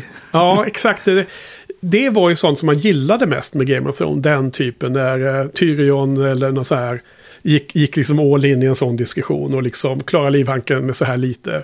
Och man känner stakesen. Det är en annan problem med den här scenen och även då eh, den andra speglade scenen är när Moraine ska få sitt straff som händer i näst sista scenen i hela avsnittet då när hon blir eh, exiled. I båda scenerna så har man inte riktigt etablerat vad stakesen är i den här eh, Turning of the Wheel. Hade det, varit, hade det varit Game of Thrones, då hade det... För hon ser ju sina egna stakes där, jag ska bli exiled. Då hade hon bara... Du ska dö. Jag tänkte, jag tänkte också det. Jag tänkte, det hade varit nice nu bara, you fucking stay in here with me. Något sådär. Ja, alltså ja, precis. Det finns skillnader. Eh, Så att, ja, och sen så tycker jag att det är liksom helt orimligt att Moraine skulle hålla med eh, Leandrin. Och där måste man fundera jättemycket varför showen väljer det här liksom. Men alltså i... Det är helt orimligt helt enkelt. Det, det är igen det där integriteten i karaktären. Om jag börjar känna mig orolig för att det inte är Moraine man ser, det är bara någon som också heter Moraine. Då blir det ju lite så här att, fan då kommer inte showen ge mig den där feelingen som jag var ute efter. Så att för mig så tyckte jag att den här scenen var liksom ett, en haj av att se miljön och se eh, saker och ting hända. Men så fort jag började analysera det så blev jag bara så här, vad fan händer? Varför gör de så här liksom? Eh, Och är det här verkligen bra? Jag tyckte att den scenen var ändå bland det bästa i avsnittet. Oh. Ehm, för Inte att, för mig. Okej. Ja. Ehm, för att när jag såg avsnittet första gången, då är Mother, hon skäller ut Moraine där Mm. och spelar över ett bara helvete. Och jag tänkte, då började jag skriva min iPad där, så här, jävla, hon spelar över faktiskt show, typ. Eh, och sen så får man ju se när Moraine och hon träffas då. Ja. Och de, eh, ja fy fan vilken jävla show jag fick på, Ja. någon, eh, på någon show liksom. Så Ja. bara, ah, hon spelade över, det var poängen Ja, som spelade ja, över. precis. Så jag bara, ah, ja, då gillar jag lite mer den scenen. Du gillar mer. Ja. Och sen in World kan man undra, det skulle inte de Aes Sedai'na gå på överhuvudtaget att det där var så. De, de kände väl henne tillräckligt väl för att se om hon spelar över eller inte. Så det är, igen, det är liksom ihåligt. Men de gör det här för den här twisten.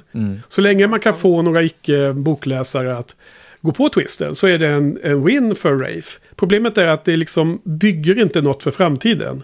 Det blir ihåligt att, att, att, att, eh, hänge sig åt den typen av enkla poänger i en så här lång tv-serie. Som det förhoppningsvis fortfarande kan bli. Du tänker lite på, Ja, på men- sa i början av avsnittet, att, att det här bara är en sån här igen chockvärde.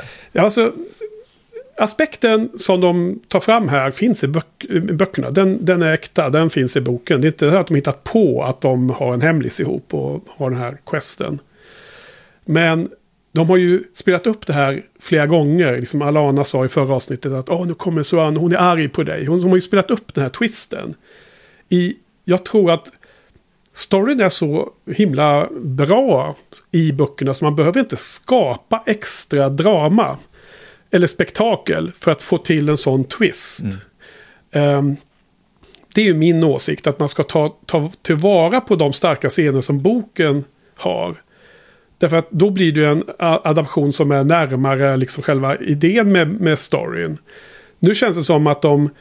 Jag är, jag är till och med orolig att de här, nu när Rafe till och med i behind the scenes-videon sa att han ville visa Moraines eh, bevekelsegrunder eller vad är som hennes drivkrafter. Och sen så det man får se här är att hon har en hemlig kärleksrelation.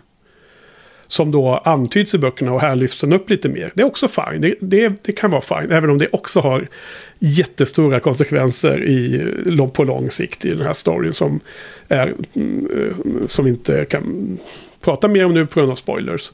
Eh, men, men även om de gör den grejen så, så måste ändå karaktärerna vara eh, solid.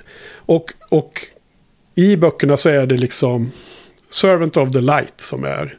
Liksom det, hon är blå, Moraine, och det är Swan också. Det är det som är deras huvudsakliga uppgift, är liksom att lösa sådana här quests, eller göra sådana. Här, här, här säljs det in från Leandrin att ja, men, de blås uppgift är att leta reda på secrets och faror för oss. Liksom en liten variation då på det som är i böckerna. Och då behöver man igen undra varför varför gör de en sån ändring? Och då blir jag orolig att alla de ändringarna ska leda till att det här ska bli en sån här episk kärlekshistoria. Där det, det är det liksom, dramat ska drivas av det. Och då är det inte alls samma karaktär inbyggd i Moraine. Och dessutom gör de dem mycket mer korkade på, det, på den dialogen som kommer här. Så det är väldigt oroväckande. Ja, ja, men eh, jag tycker i alla fall det är några kommentarer som jag tycker var bra här. När Swan eh, säger åt Moraine att eh, gå ner på knä, hon säger någonting, vad det nu heter. On your knees. Ja, det, men det säger hon också, för det ska ju återkomma sen. Det blir ju ett, ett garv, ja.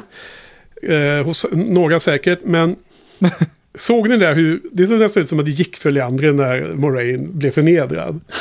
Jag tyckte att det var en bra, bra, Hon var lite nöjd där. ja, hon var riktigt nöjd där. Yes.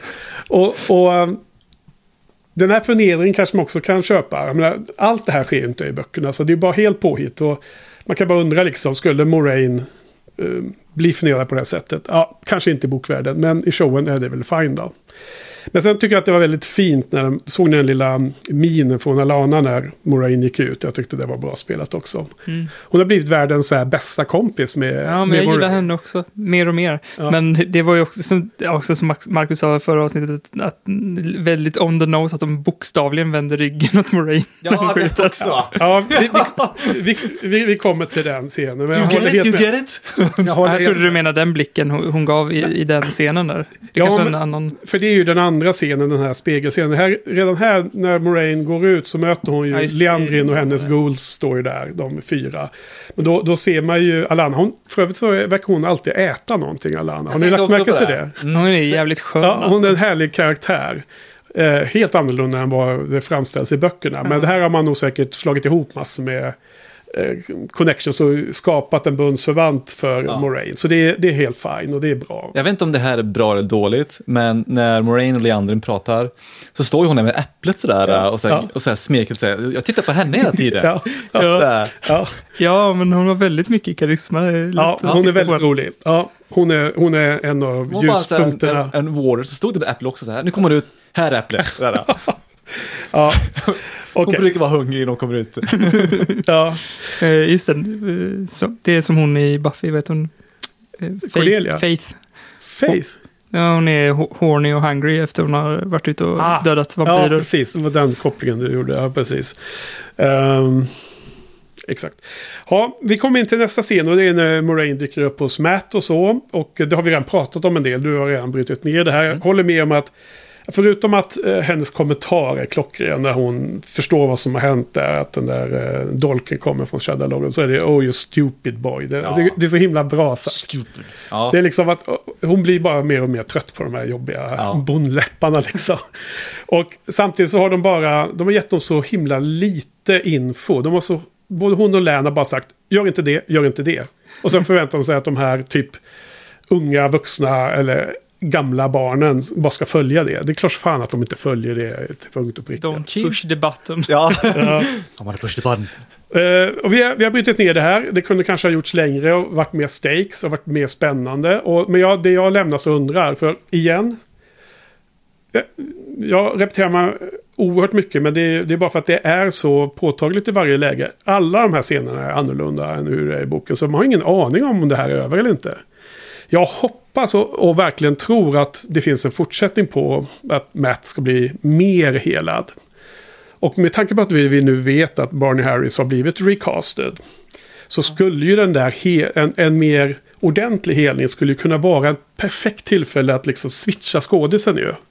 Därför att du får in en skådis med ja, en eget utseende som är förvisso ganska likt Matt har jag sett på bilderna. Alltså Barney Harris. Mm, okej. De är ju liksom, de är inte världens mest olika personer men de är inte tvillingar liksom. De Ja, är ju. Jag tyckte att, att han, den nya skådisen, ser ut som en perfekt morph mellan Perrin och eh, Rand. Perrin.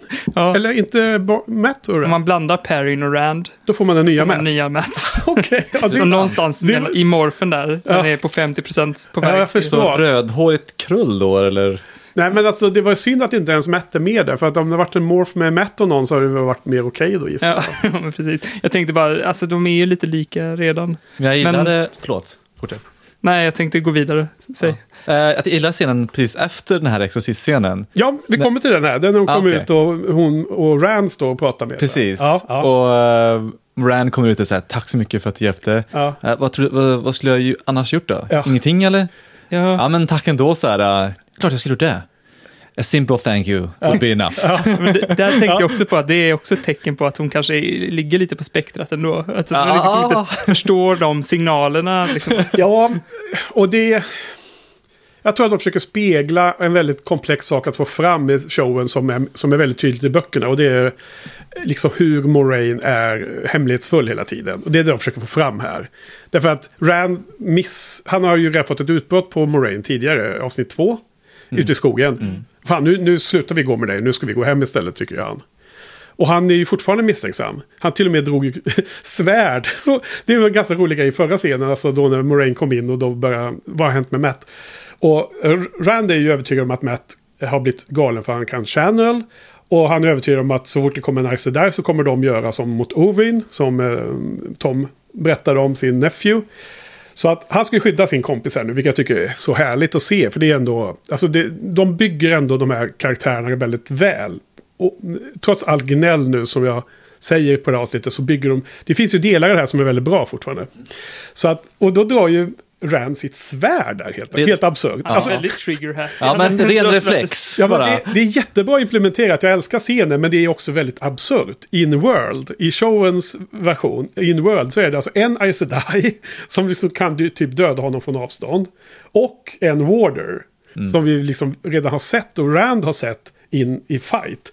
Så att liksom det står, man ser, jag såg ju någon som hade gjort en freeze frame när man ser Rand stå med sitt väldigt farliga vapen som han har fått av sin pappa som är liksom ett sånt här gammalt eh, fint vapen. Och liksom Lance står ju med pekar finger på honom. Alltså det är ju svärd mot finger. Ja. I, i den scenen. Och liksom Lan är ju så överlägsen Rand så att han bara avväpnar honom. Han, han drar ju inte ens ett vapen, han bara tar svärdet från honom.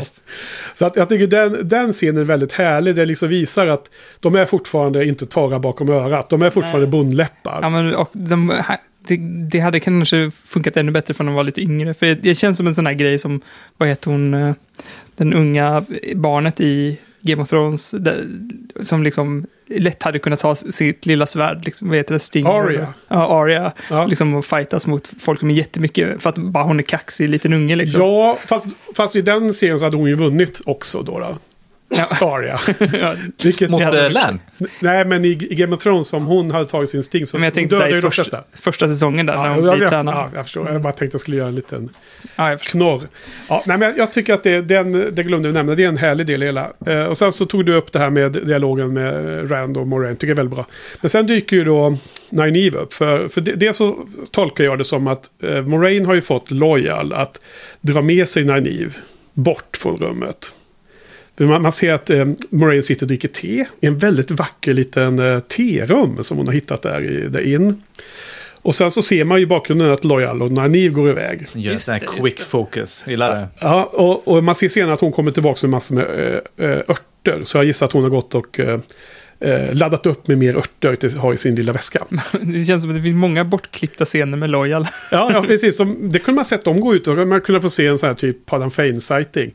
Jag, jag letade efter honom det här avsnittet, men jag tror inte att han var med. Därför att det är mest Moraine och jag gissar då att Paddan Fane håller sig borta från henne. För hon skulle säkert kunna upptäcka honom mycket enklare än de här bönderna som han följer.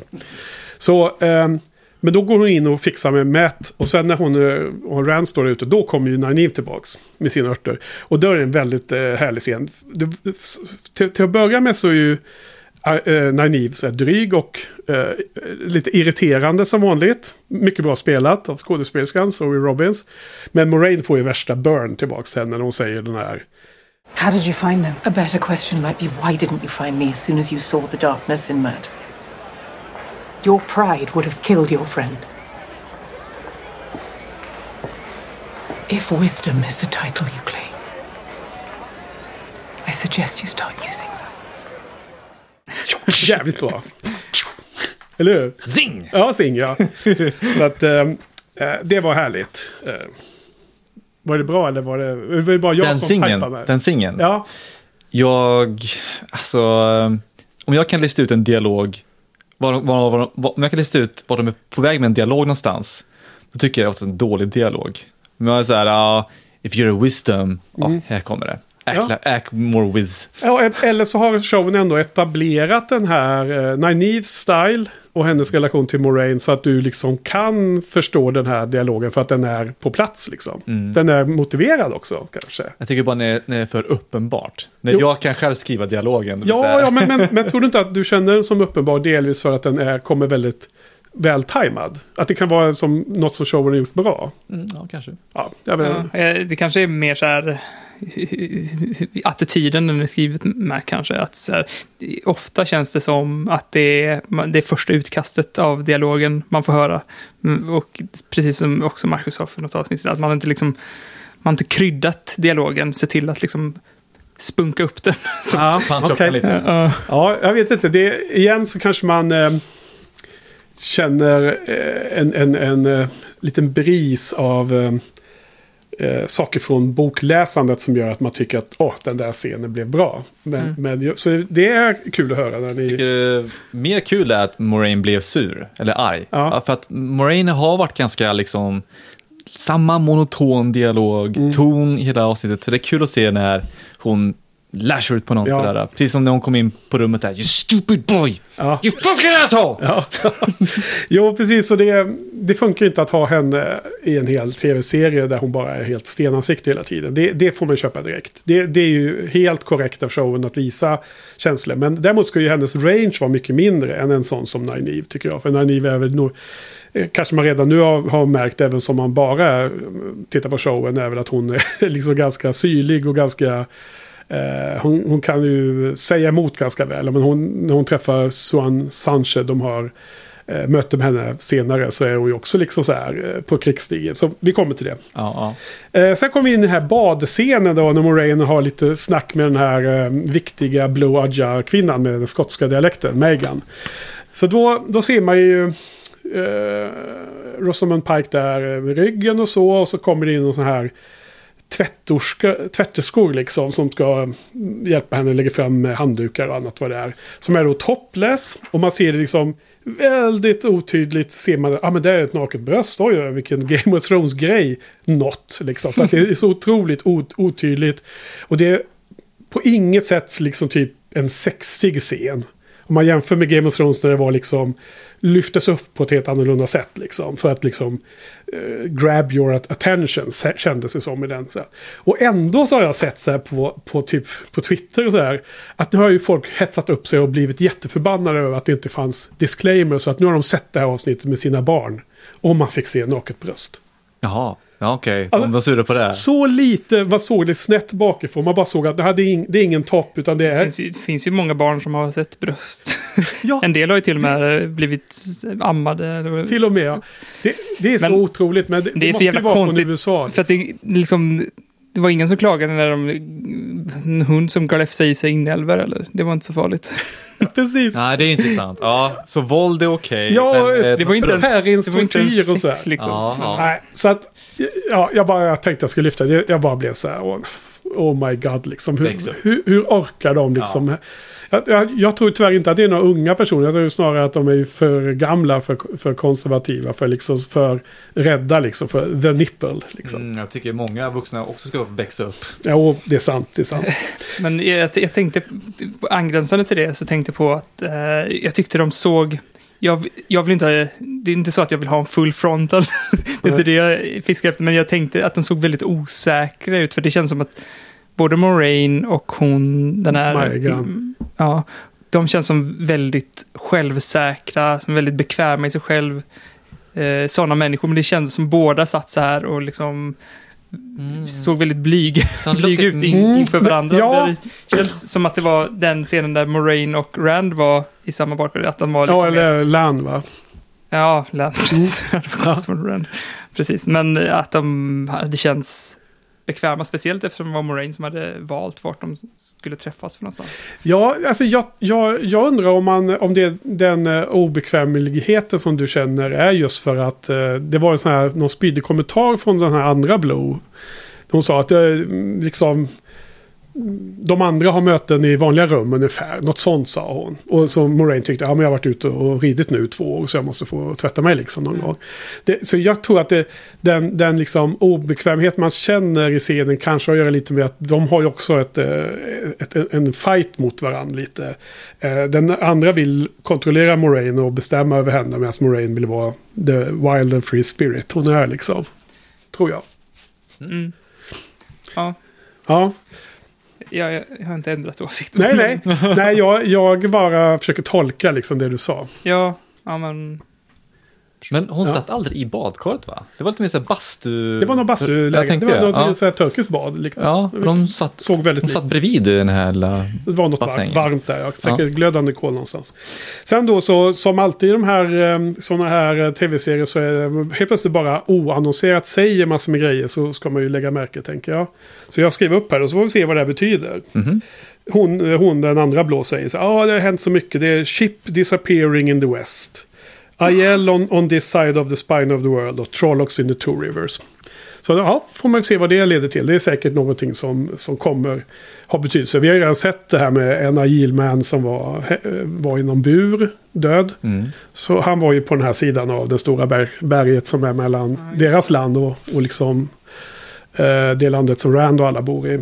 Tänker du på de två skeppen som försvann? Att det har någon större betydelse? Skeppen som försvann har vi inte riktigt koll på ännu. Men att Nej. hon nämner vad saker och ting som händer i världen. Och Trollocs i Two Rivers har vi sett i allra högsta grad i första avsnittet. Så att hon hade koll på några men inte... Men, och ja. eh, om, man, om man ska spekulera lite kring Trollocs i Two Rivers. Kan det ha med vet han, Padam Fane att, att göra? Att han har skvallrat om att... Ja, han är the dark one. med Johan. men att han kanske är eh, jobbar med Dark Friend? Dark. Ja, han är, ja precis. Friend en of Dark, the Dark. Friend. Hey! Mörkervän. Det är ju som ni två, Dark of the Friends. Yeah. Friends of the Dark. Dark of the Friend. Dark, Dark Friends. Ja, vad heter det? Jaha, är The Dark One. Ja, lätt. Ja, lätt. Självklart. Ja. En annan kul detalj med den här badrumsscenen, jag tyckte att eh, hon skotska tjejen, Ja. att hon hade så bra koll på Moraine, den här flottan som hon sänkte, Just det. färjan, Ja. eh, att eh, ja, vi har koll på det, vi skickade pengar som Ja. kompensation, så det är löst. Ja, just det. Ja. De har väl sina spioner där ute. Moraine tror jag har, hon sa så här, du har fått bättre info nu för tiden. Eller sånt där sa hon liksom som en lite så här, ja, lite så här nästan backhanded uh, cred liksom. Eh, så att man får ju en känsla av att Moraine har sina egna eh, spioner medan de blå har andra egna spioner. Man skulle kunna tänka sig att som båda är blå, att de skulle dela, dela lite på infon. Men ja, så är det i den här världen. Vi går vidare. Nästa scen är ju då när Moraine kommer och träffar på Egwene och Perrin då. Och då, först och främst så tycker jag det är så konstigt att inte det blir någon liten paus. När Moraine och Egwene ser varandra. Liksom. De har ändå varit borta. Och vi vet ju hur viktiga alla de här fyra eller fem från eh, The Two Rivers är för Moraine. Okej, nu är hon en eh, uh, Ice Sedai så hon kanske inte behöver visa känslor i varje scen. Men å andra sidan har ju showen visat att de ska ju visa känslor ändå. Det är ju massor med känslor som visas i det här avsnittet. Så att ens bara stanna upp och säga liksom Hej, hej. Det, det, det har de inte ens tid med. Vilket jag tycker känns trist. Liksom. För att hela den scenen blir, jätteweird. Och sen får man liksom inte se någonting. De har liksom inte lagt ner någon budget allt på, alls på att se någon form av konsekvens eller efterarbete av Perrins också skadade rygg. Ja. Utan man, man, man ska, han ska ligga där bara och vila, sova. Och, och liksom green plockar fram de här ringarna. Det är också en så här ganska stor grej att, att det är liksom mördade Isodier. Vi har sett hur viktigt det var just i tidigare avsnitt hur viktigt det är att komma tillbaka med den här ringen och alla de ceremonierna som är runt det där. Fast i det här avsnittet så är det inget viktigt alls känns det som på Moraines reaktion. Nej, här, också det. hon borde ju fått någon medalj eller något sånt där. Ja. Ja. för att ta, ta tillbaka de här ringarna. det, det, det känns som att vi har tidigare sagt att Perrin och Egwene har blivit liksom shortchanged i den här serien än så länge. Vi vill se lite mer från dem om man nu skulle ha en, en bra balans mellan de olika karaktärerna. Sen kan man också hävda att sju, sju stycken huvudpersoner är för mycket för att eh, ge balans i en första säsong. Så det är fine. Men om man nu skulle välja att vilja ha den balansen då känns det som att det finns massor med bortklippta scener på, på golvet där liksom i, i Raves klipparstuga. För att det är många säkert karaktärshöjande scener som vi har saknat nu. Jag menar, kände ni att ni känner Perrin eller Green lika väl som vissa av de andra liksom? Nej, verkligen inte. Nej, och det, det starkaste liksom st- eh, stories, eller vad man ska säga, kring de karaktärerna är väl typ när Nynaeve pratar om Egwene. Det gjorde att jag lärde känna Egwene bättre än eh, när hon är i rutan liksom. Ja, In frame. så, precis. Och det är väl den där som man lär sig i skolan. Att det bästa är att man pratar om en karaktär och berättar hur den karaktären är. Man ska ju inte visa det va? Eller hur? Det är väl regel nummer ett i Ja. filmskolan. Tell, don't show. Ja, men Ja. det är väl liksom från Star Wars det där. Du, du, du, du. Ja, helst ska man ha en text som, vi- som ja. rullar. Nu ska vi, nu är vi på, nu är vi på bio, ska vi läsa lite här. Ja, jag tycker att det är lite synd att um, de känns så. Har ni något mer? All det här som vi pratade om i början, allt det här. Hur fan kom de dit? Är inte det ganska spännande, några steg som har gått där? Ja. Nej, men jag håller, apropå med ringarna, det tänkte jag också att, att Moraine skulle typ nästan gråta av lycka eller så här, åh mina systrars ringar, det här är deras kvarlever, eller något sånt där liksom. Ja. Yes, du tog de här ringarna från det jävla assholet. Jag bara, mm, nice, Mm. lite ringar. Ja, och nu var de flesta röda. Vilket tror jag in World förklaras med att de röda Aja har ju inte warders. De, de hatar väl män, de flesta av dem kanske. Eller det är lite oklart. Alltså här i showen har man fått, fått det till det. Jag tror inte att det är så i böckerna riktigt. Men man måste ju förstärka sådana saker i Ja. en tv-serie. Så att då har de inte warders i vilket fall. Det är i alla fall en konklusion. Och uh, där har man mycket enklare att typ bli knockad. eh, eller liksom bli, bli liksom tagen helt enkelt av White Cloaks. Så att det är mer rimligt att det är fler röda ringar. Men det var ju minst en gul då som så vidare. Mm, även oavsett om det är röda eller gula. Jo, jag vet, men Ja, jag tänkte kopplingen var att de blå och de röda inte, älskar inte varandra direkt. du tänker att ah, det var lite röda ringar. Ja, Whatever. Moraine var mer kall, Ja. kallsinnig. Det var inte det jag menade egentligen. Om man skulle försöka hitta någon förklaring in world så skulle det kunna varit det. Det var så jag tänkte. Jag håller inte med om att det skulle vara en rimlig förklaring. Nästa då då är ju den här scenen då. Moraine besöker Swan och de snuskar lite där då. Eh, Kan jag få dra ett dåligt skämt? ja, Eh, hon kallas för Mother. ja. Kan man säga att Moraine är en motherfucker? Ja, precis. Hon blir en motherfucker då. ja. Swan gillar inte det när man kallar henne för motherfucker. Då vet vi varför hon inte det. ja. Nej, men här kommer ju avsnittets stora twist. Jaha, de var in League with each other här då. då. Och eh, är det här då den här chocken, den här surprise, den här revealen som man har jobbat så hårt för att sätta upp. Så känns det så hollow för mig liksom. Eh, Av allt det jag sagt tidigare liksom. De har liksom fått ändra på så många grejer för att nå till den här punkten. Och så känns det som att för storyns skull, om man följer boken, är det här liksom en väldigt liten del liksom. Mm. Och därmed så blir det så här, tänk om det i den här showen skulle är någon jättegrej att den här twisten finns. Varför tror du att de eh, gjorde den scenen? Tänker att det är så här, uh, inspirerad av Game of Thrones. Lite mer sex, lite mer... Ja, jag Vuxet. Vet, jag vet inte, alltså. Om man... Jag vet inte. Det, är så- det har ju pratats mycket inför eh, serien att det skulle vara så mycket representation och så. Att det är väldigt mycket i fokus. Och eh, att visa gay sex i en, eh, med de här badassiga huvud, huvudpersonerna eller viktiga tunga personer är, är, ju, är ju så historiskt liksom. Det är ju ovanligt. Så att man bryter väl ny mark här.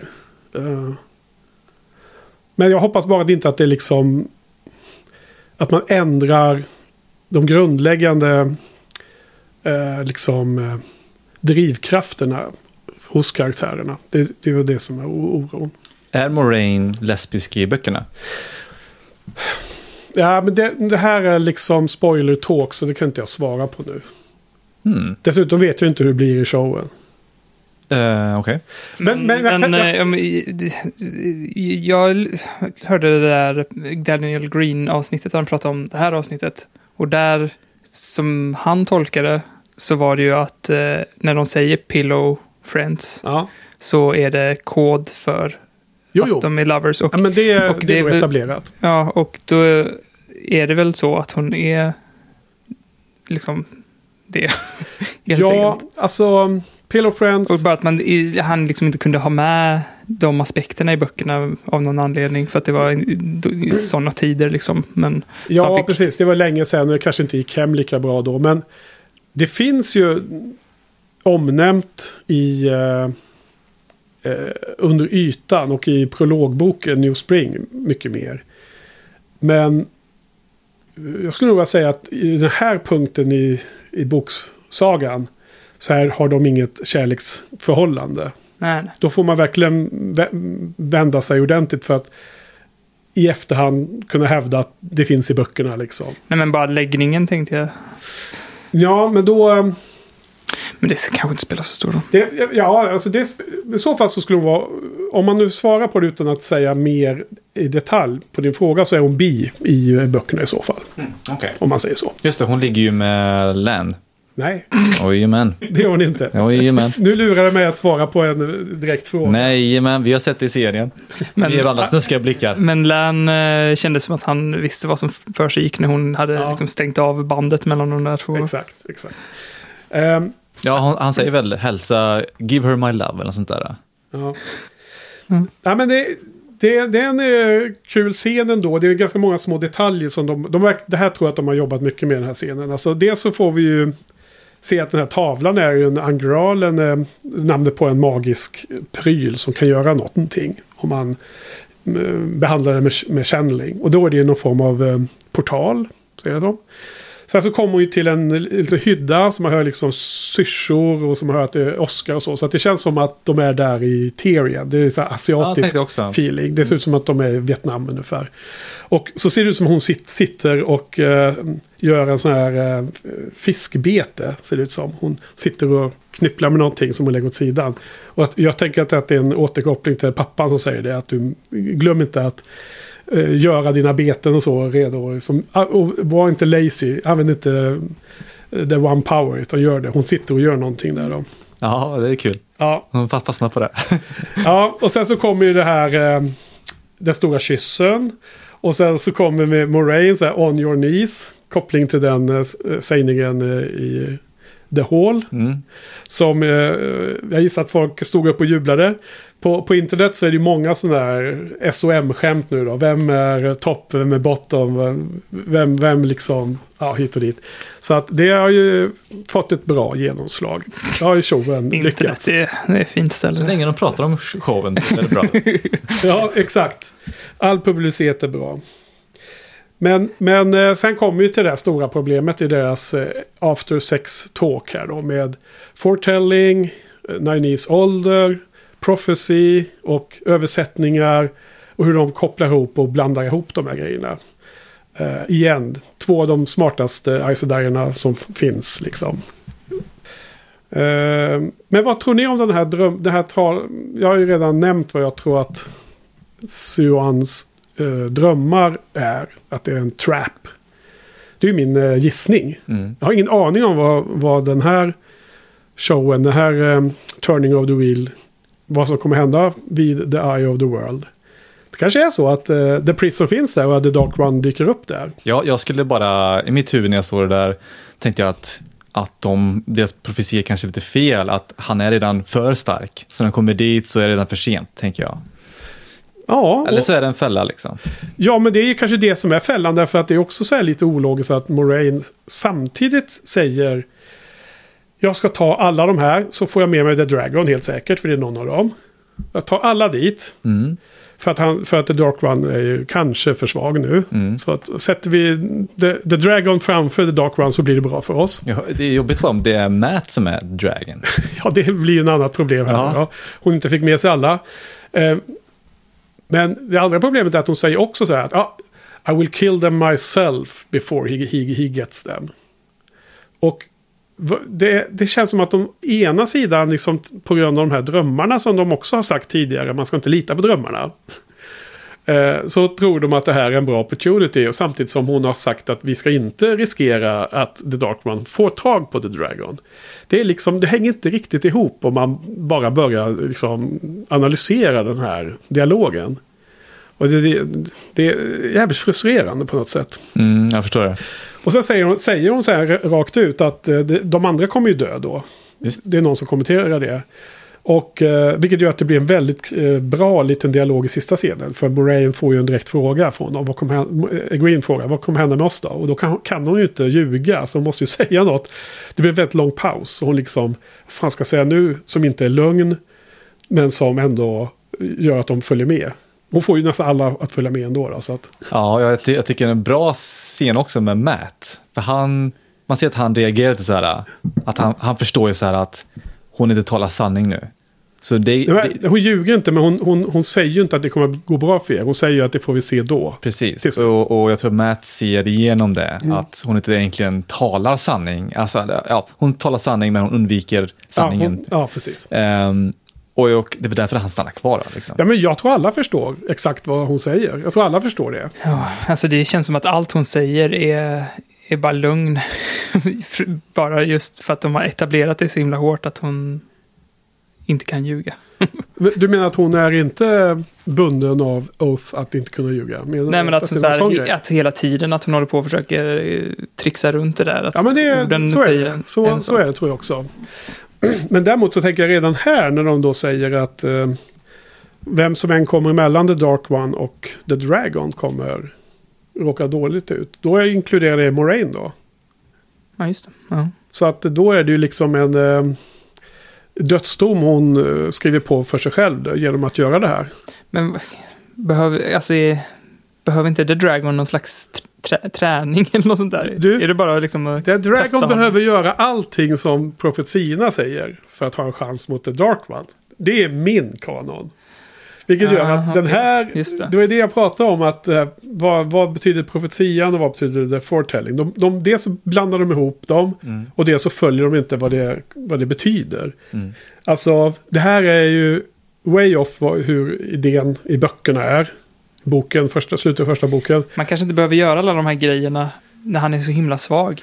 Ja, exakt. Men, man, men liksom ing, jag vet inte vad de här profetiorna Nej. består av, men jag antar att det är lite träning, typ att se till att hans power liksom lyfts upp. Men nu har han inte ens, man vet inte ens vem som är The, The Dragon. Så jävla klen är The Dragon just nu, så att Mm. man inte ens kan veta vem det är. Ja, precis så. Profetiorna är väl som alltid sådana här. Det fanns ju i Harry Potter och det finns väldigt många fantasyvärldar. Det är aldrig liksom en spes på det här du göra. Utan det är liksom massor med så diffusa typ påståenden. Och sen när man liksom lever sitt liv, den profetian handlar om. eh, Så bör saker och ting ha hänt. Liksom, så man kan matcha in det mot de här profetiorna. Jaha, det är Så- lite som horoskop, typ att man så kan ja. applicera det lite på vad som helst. Men lite, jag menar, eh, den här Wheel of Time-världen har ju många namn och många aspekter av legenden som går att dra paralleller med kung Arthur och riddarna kring den, det runda bordet. Och liksom det här med svärdet i stenen återkommer till exempel. Det är en del av profetian. Precis som det är en profetia i den världen. Att den som kan dra upp det här svärdet den är konung eller något liknande, vad det nu än är i den världen. Det är samma sak med Thor i MCU. Den som kan lyfta Mjölnir är liksom värdig. Och det är liksom allt som de gör med den grejen. De här pro- profetiorna är nog ganska diffusa, men eh, poängen med dem är att om inte The Dragon uppfyller dem så, så går det dåligt i slutet tror jag. Det är så man tolkar profetiorna. Därför är det så överraskande att showen väljer till att bara, ja men vi skjuter det åt sidan nu. Nu har ju Svan fått några nya drömmar istället. Då går det över allt det som vi har lärt oss liksom. Och även i den här Inworld så pratar de mycket om att ja, men de har översatts många gånger. Okej, fine, vad, vad innebär det då? Ja, men det, det är att man kanske måste svårigheten att tolka de olika äh, meningarna i profetian. Men, men det betyder ju inte att vi bara kan lägga den helt åt sidan. Det, det, det här börjar det närma sig som lazy eller bad writing, som jag sa tidigare. Ja, ja skitsamma. Men eh, sen har vi... Ja, så jag, det jag tycker är bra det här att man visar deras hemlis. De jobbar ihop. De jobbar för att preparera The Dragon för The Last Battle. Hoppas jag att det fortfarande är. Och det visar också på otroligt stora uppoffringar. Och det är runt där dramat i böckerna ligger. Jag tycker det är därför man känner för vissa karaktärer. För det här är inte liksom en Game of Thrones-saga där alla vill få makt. Som vi pratade om i tidigare poddavsnitt. Här är det en saga om där alla som behövs för att, för att det ska... Alla som har betydelse får, får offra så mycket i den här sagan. Eh, mer eller mindre mot sin vilja. Men Moraine liksom går in i det öppen, med öppna ögon. Eh, för att det behövs och för att hon är bokstavligen det som Sedai är, servant of the people. Och jag är ju, igen väldigt orolig att de ska göra det här till någon slags sån här epic love story istället. Eh, Så jag hoppas verkligen att de kommer ifrån det här.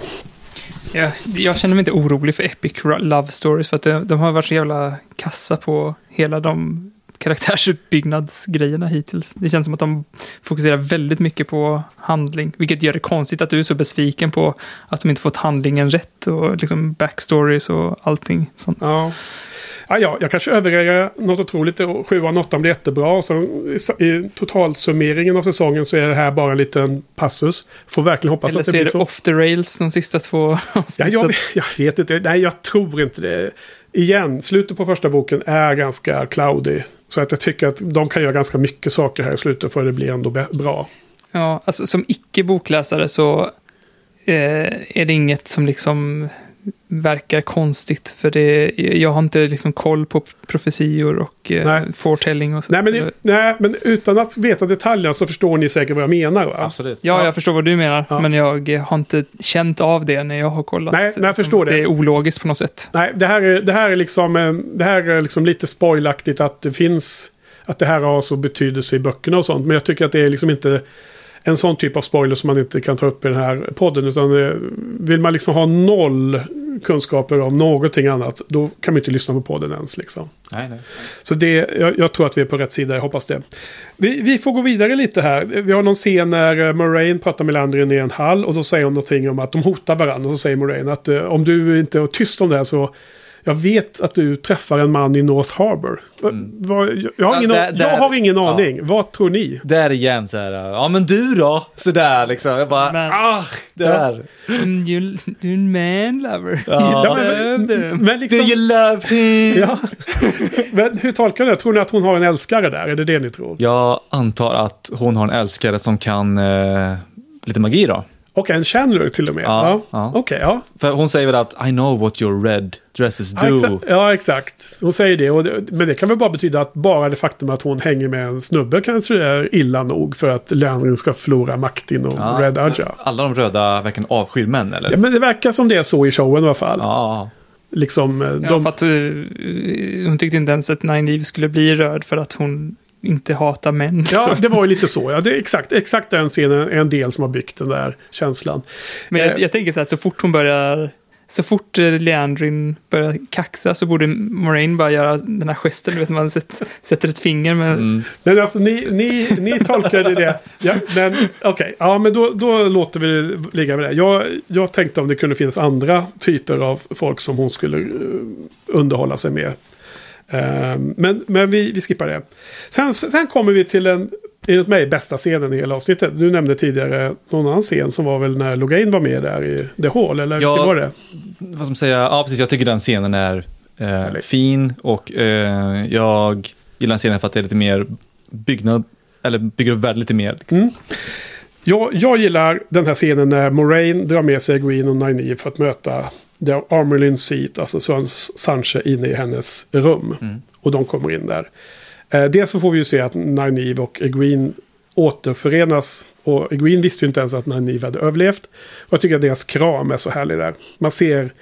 Eh, de kramas så nära varandra, det är det bästa jag kan beskriva. Mm. Eh, mycket närmare än liksom man normalt sett kramas. Det var en till och med. Kram. En riktig kram mm. var det, ja. Jag tycker det var superhärligt. Eh, men sen har vi ju, Moraine har ju den här Burn mot eh, Nynaeve igen. För Nynaeve är som bångstyrig och uppkäftig som är hennes karaktär. Och säger nej vi, vi, vi kan inte gå in till Suan nu. nu. Nu får ni vänta lite. Och då så säger ju Moraine. Suan Sancho waits only for one woman. And it's not you. Zing! Ja, där kommer den igen. Men, men sen så är det skådespeleriet där inne och det är så himla lustigt. Först så kommer ju de in och ställer sig där. Eh, eh liksom, Swan sitter borta i sin stol. Moraine stannar lite innanför dörren liksom och tar en liten bakre position för att liksom, det är de andra två som ska eh, introduceras. Eh, Naiv ställer sig bara där och ser butter ut, typ eh, armarna i kors ungefär. Som en tonåring. Ja, lite så. Ja, men det är lite som hon är tror jag. Egwene är så himla lustig för att hon vet inte riktigt vad hon ska göra. Och så ser hon att, att Moraine bugar sig lite så då bugar hon sig också ja. lite. Hon är super... Eh, flex, hon, hon, flexibel liksom. Hon anpassar sig till den här situationen direkt. Jag tycker det är väldigt eh, slående hur de reagerar så olika.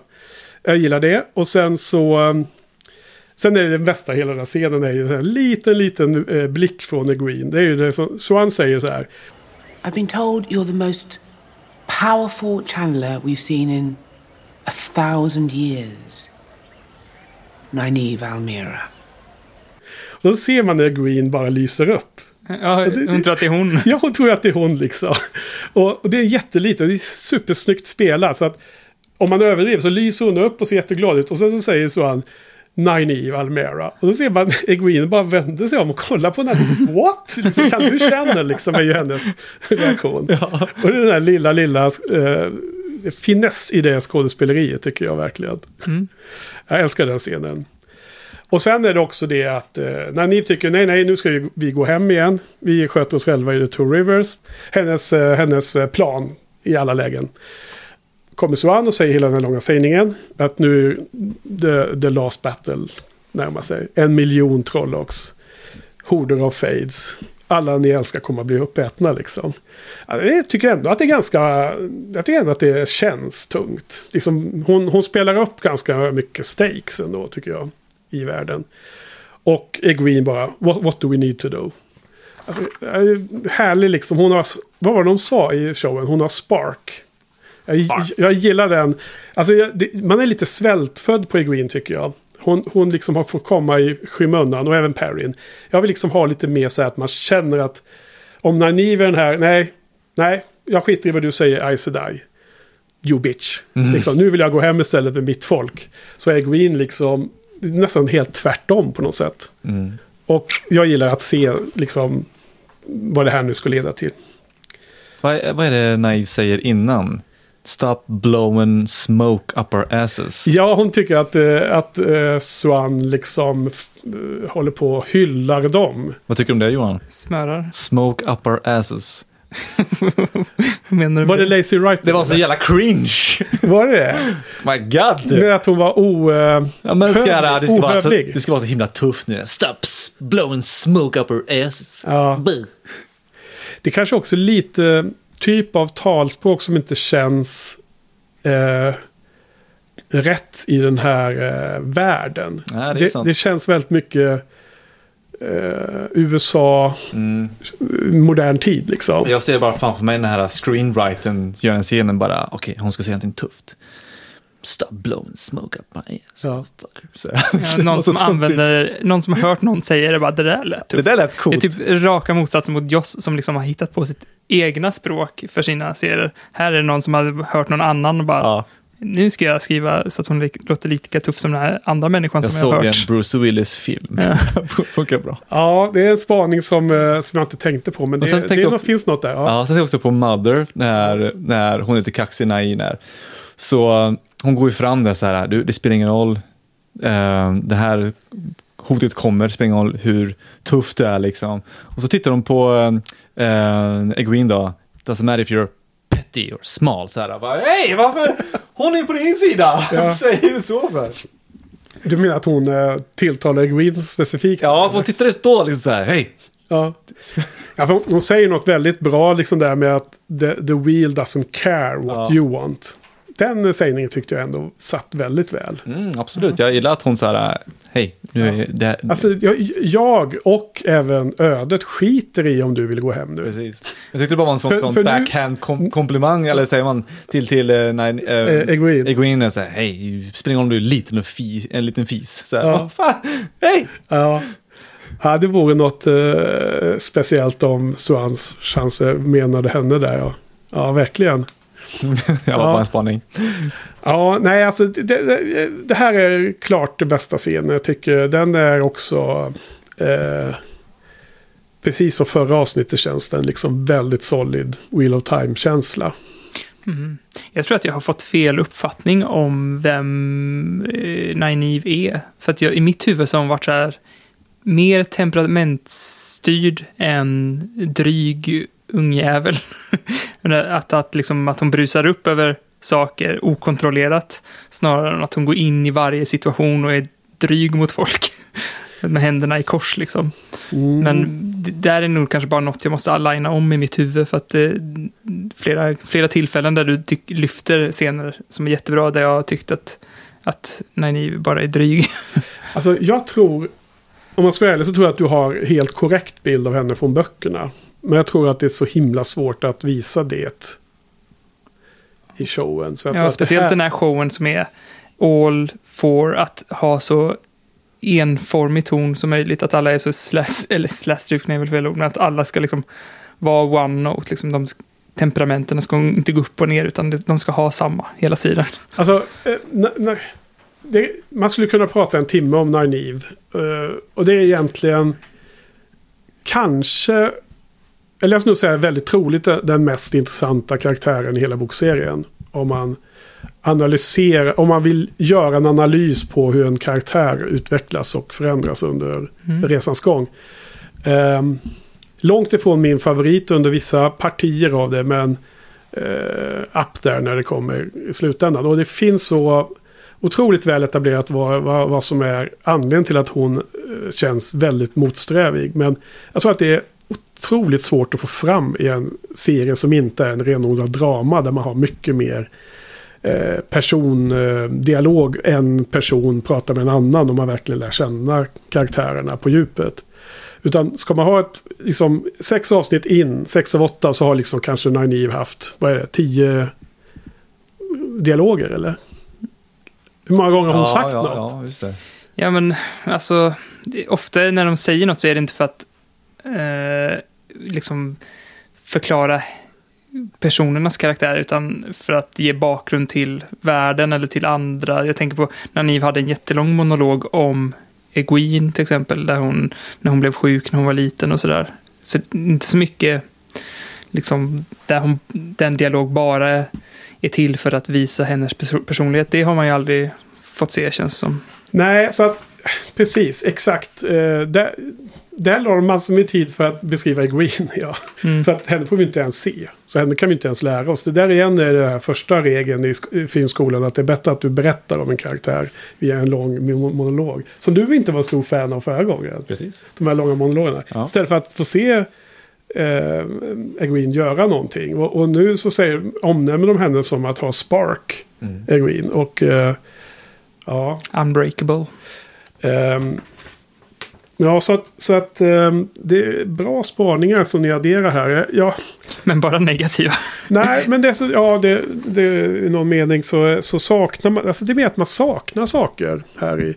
Ja, jag tyckte i alla ja, fall precis. att, jag tycker i alla fall att uh, scenen uh, är inte hundraprocentig i, i de här karaktärerna när jag nu lyfter dem. Utan det är snarare att det är liksom en typ av scener som jag mm känner igen och hade väntat mig i en eh, adaption där man liksom spelar in samma typ av, av upplevelser, känslor som man får när man läser böckerna. Mm. Um, så att uh, mer än så bör jag nog inte säga utan att spoila skiten ur allting. Uh, scenen med Moraine på balkongen då, vad, vad, vad, vad såg ni där? Jag, då får jag säga vad jag, vad jag tolkar. Jag har ingen aning för den här finns ju inte i boken. Men uh, det känns ju som att hon liksom tar farväl lite av sitt hem. Mm, var det något en sista ni tänkte? Blick, en sista blick på staden innan hon drar. Nej, men jag vet inte, få den där känslan. Liksom, det är som hon står där med tårar i ögonen. Liksom. Vad är det? Hon känner sig vemodig av någon anledning.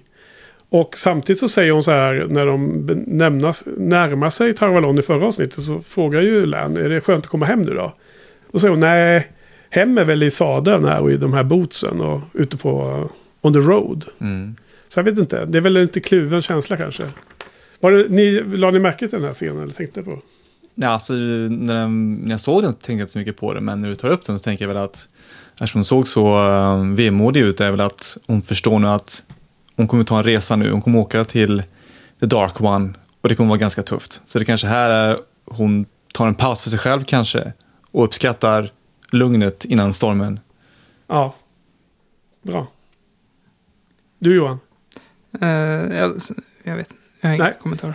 Vi, vi vidare. Näst sista scenen, Moraines straff. Vad tyckte ni om den? Det var ju en spegling på den scenen du gillar. Var det en bra uppföljning på... Lite utdragen tyckte jag. Ja. Eh, lite cringe. Um, Gifte ja. de sig där eller? Det kanske var, de gjorde. Var det ett marriage? Jag, jag såg det på Twitter. Jaha. Fansen eh, tyckte att det var... Det var någon där som skrev ja men det var ju som ett... Eh, att ge, ge varandra sina löften då. Eller, så oath. Intressant. Det, så såg inte jag alls Nej, så såg inte jag det. Uh, jag tror att det är så här, du vet, vissa fans som vill, vill se den här. Vill, uh, vill se den tolkningen. Visst. Vad var det de tog fram för någonting? Det var inte en pinne? Oath Rod. Oath Rod. Som man... Uh, uh, de har ju sina tre Oaths som hon har redan pratat om. Då, det är magiskt i, satta i kroppen så de kan inte ljuga allt det här. Nu så säger hon en fjärde Oath, vilket Känns udda. Mm. Men det, det var lite komplicerat. Men scenen, om man inte kan liksom magisystemet och hur den här funkar. Men man introducerar väl att den här, man kan liksom få göra en, en oath. Eh, att säga en ed, eller vad, hur uttrycker man sig? Att uh, uttala en ed, ed om någonting, att den sätter sig magiskt i. Du kan inte bryta den. Det är det de är, äh, ytterligare en sak de måste implementera, liksom. Bygga världen. Men hon hade en liten, eh, en liten failsafe där på slutet. Ja, precis. För att, ja, det lade du märke till i alla fall. Ja. Vi får aldrig komma tillbaka, förutom om jag ber dig komma tillbaka. Precis, det är också det. Så det är safe. Ja, det, det var ju... Eh, igen det som du spanar på Johan, att vad, vad hon säger kan tolkas på olika sätt. Hon slingrar sig lite från de absolutaste sanningarna.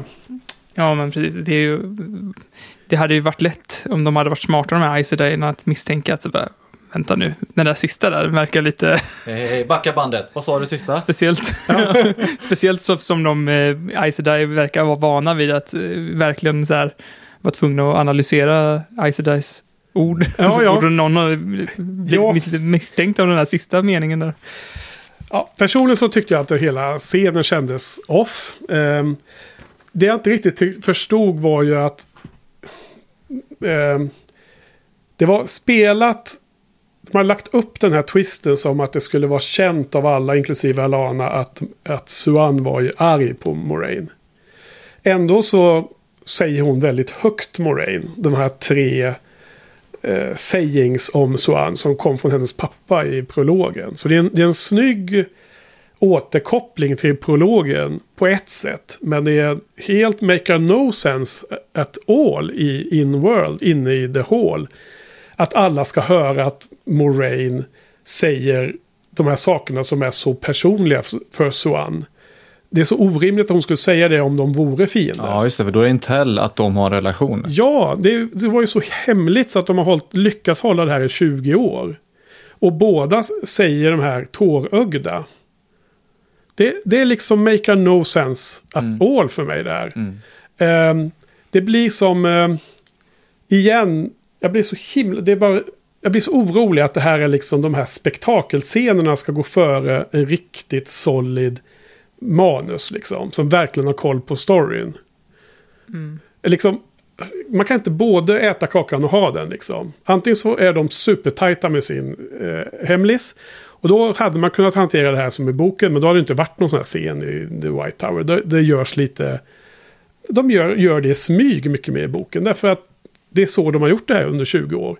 Här helt plötsligt väljer man att det ska bli ett, en stor grej med rättegångar och pennens och ligga och liksom kyssa eh, eh, liksom golvet där.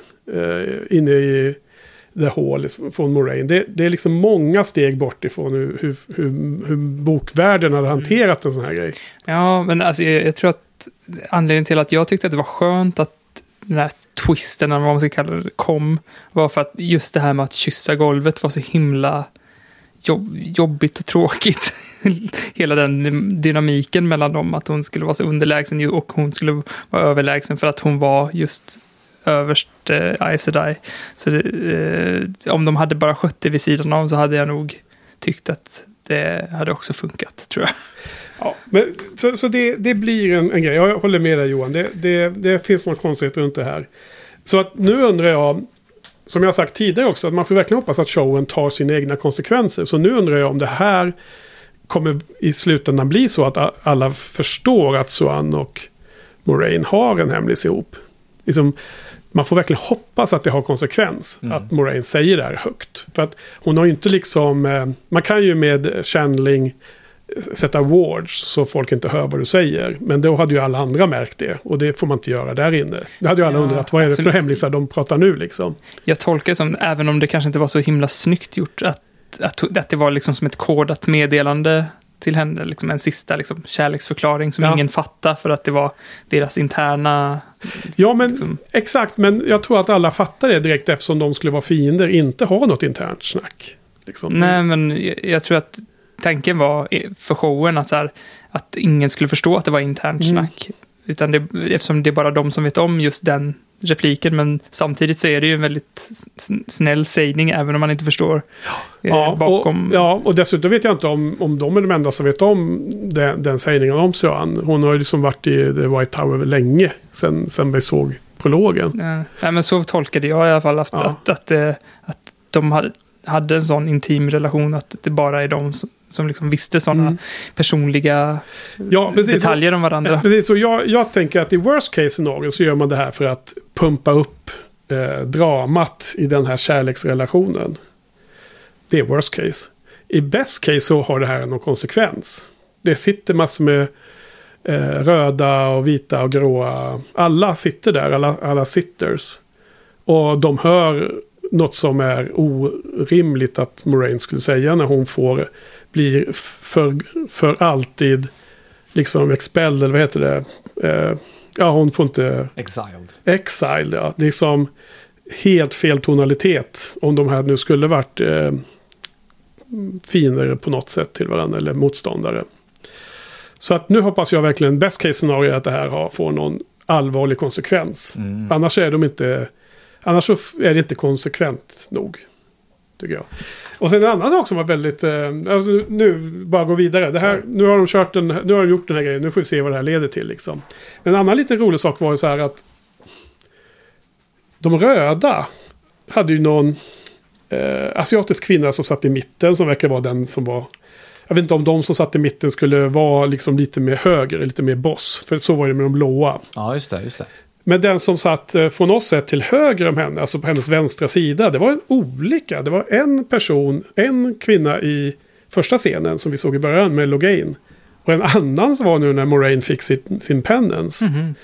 Det är jättekonstigt för att uh, jag undrar lite varför de har gjort så. Det var som en liten detalj. Det var som att hade de inte samma statister kvar då så att då fick de ta en ny person. Du ja. har Eagle Eye alltså. Jo, jag kunde se det där. Verkligen. Eh, jag blev bara så förvånad så jag var tvungen att spåra tillbaka och kolla, är det här verkligen sant liksom? Men det var två olika och uh, nu vet jag inte helt hundra på om de hade switchat på vilken sida de satt. Då kunde det varit den som var på högra sidan hade bytt plats till vänstra och vice versa. Men jag tror inte det. Men i bokvärlden i alla fall så är de här sitters liksom, det är samma alltid. Ja. Det, det är liksom något man väljs till. Det måste det vara, ja. Så det, det, är inte så att det bara är någon random röd som sitter där inne. Det var plenisalen där. Satt ja, lite så. Ja, sista scenen. Här har vi också en del att prata om. När med Waygate. Vi har redan pratat en hel del om det. Mm. Men här är det ju liksom, tycker jag ganska uppenbart att det här är sista gången vi ser Barney Harris. Ja, eh, Daniel Green, som jag antar att du också, det lät som du också har kollat på den Daniel Green. Eh, Nej, inte ännu.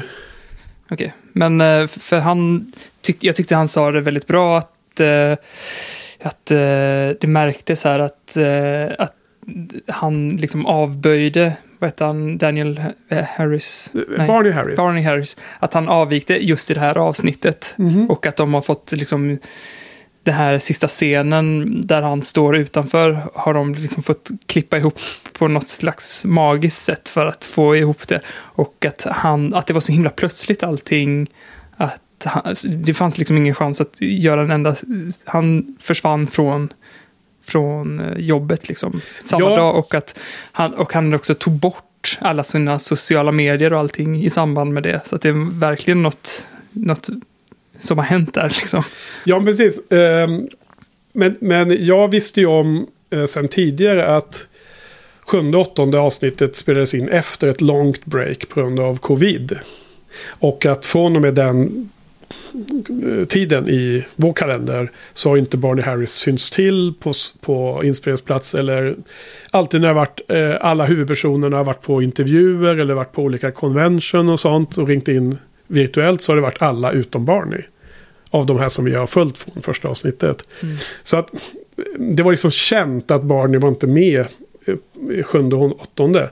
Nu vet man inte om de har spelat in scener som sen kommer visas i sjunde och åttonde med Barney Harris. Men jag fick en känsla, dels när han säger, liksom, det är nästan som att det är på betanivå när han säger det här med, eh, jag har inte skrivit upp det nu då, men eh, jo, Is it too late to change my mind? Ja, det. blir nästan på en betanivå. Sen så tyckte jag också att det var som att det var väldigt konstigt filmat och klippt i alla fall.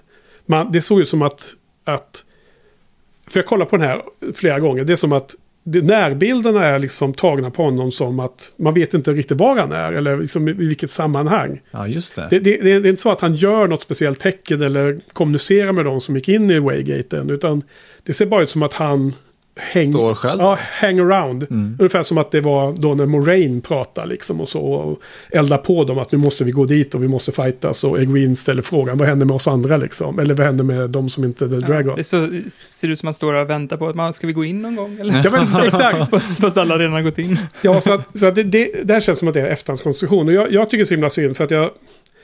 När jag hörde att de hade recastat honom och jag vet ju att, att det här med dolken, att det, det var någonting med... Det finns en healing här någonstans som vi nu har sett idag. Så tänkte jag att det var ju det perfekta tillfället. Det var ju då man skulle kunna byta då. För man, man, då kan man ju motivera det med att Matt efter dolken har blivit liksom på, så påverkad av det. Det var liksom en sån att gå genom skärselden. Så det fick en konsekvens liksom. Det hade varit ett väldigt bra timing. Ja. Men, då, men då är ju tvungen att ha Barney Harris som han nu... Nu vet vi inte vad som hänt. Man vet ju inte om han är eh, allvarligt sjuk eller psykiskt sjuk eller vad det kan vara liksom. Men det är något väldigt per, personligt och privat eftersom det verkligen varit locken på. Och liksom det inte har spritt sig några eh, läck, läckor. Så tror jag att det är liksom folk verkligen tar på allvar. Att han ska liksom... Det ska lämnas här, det ska inte pratas om. Vilket gör att man blir ju orolig för hans skull. Verkligen. Men så man undrar om de har liksom fått till de där scenerna. Det kanske finns scener någonstans som man kan använda sig av. Men känslan man får är ändå att det har gått väldigt hastigt. Det var det här som är sista scenen vi får se med honom. Och det är liksom, det är som en kniv i hjärtat liksom. Det är som en jävla dagger från Shardar Logos in i hjärtat. För att jag tycker ändå att han har varit bäst av alla på att sätta sin karaktär från böckerna. Jag tycker liksom många, tjejerna, alla, Moraine, eh, Nynaeve, Green in bra. Och, och Rando Perrin, alltså ni hade synpunkter på Perrin. Jag, jag tycker inte att man har fått se honom ännu. Så jag kan, jag kan förstå den kritiken. Men jag tycker att Matt har liksom varit så himla kul att se. Och jag är väldigt osäker, det är en annan oro här. Om man liksom kommer, kommer man kunna ta åt sig den nya skådisen som Matt? Eller kommer man alltid tycka att han är lite sämre Matt? Liksom, det, det var nackdelen av att Barney Harris var så bra. ja, verkligen. Men han har ju varit den roligaste att följa också. Ja. Helt okej. Helt okej. ja, men så att det, det är himla synd alltså. Det, det, eh, pratade Danny Green mycket om det här eh, med att Barney Harris, att det var slutet Mm. för honom eller? Ja. Han, han tolkar också som att nu är det inget mer. Ja, alltså det, det, det låter verkligen som att... Eh, jag vet inte om han har pratat på Twitter och sett, för det är verkligen... Det, det som du har pratat om nu, det var det han sa också liksom. Ja, alltså jag har ju sett kommentarer på Twitter. Eh, Jag har inte sett eh, hans review ännu, men jag har ju sett folk som har diskuterat huruvida det här är det sista vi fick se av Barney och allting. Så Mm. jag har ju sett en del liksom, eh, åsikter, de kan säkert återanvändas. Det Danny Green säger, det snurrar säkert runt i många sägningar. Va? Ja. Men, men, men jag tycker också att det är det här man ser, om man tittar på scenen om och om igen, och man vet om att de ska byta skådis, och man vet att han inte har setts liksom, från och med Episod 7, 8 när de har spelat in dem. Då lägger man bara ihop ett och ett så är ju det här den sista scenen. Mm. Men det som, som slog mig när Daniel Green pratade om det var att det var, liksom, att det var, att de, att det var en efterhandskonstruktion det här med att han stannar utanför porten. Att det var inte så de sp- spelade in scenen. Nej. Det, den känslan fick inte jag när jag eh, kollade på avsnittet, utan då kändes det som att det skulle vara så. Och det är väl... det, jag har inte läst böckerna så att... Alltså i böckerna så är det klart som fan att Matt gå- går med in in the ways. Så att det här känns ju super weird om man har läst böckerna. Så därför känns det som att det, det, här, är, det här är bara konstruerat i efterhand känns det som direkt. Mm. Sen så när man tittar om på scenen så ser man liksom att det är klippt på ett visst sätt så att man, man får där närbilder så som man ska få närbilder. Men det känns inte som att de synkar med de andras reaktion och så. Och sen man ser honom i av, på avstånd där, liksom står lite så här suddigt i bakgrunden. Det, det känns fake.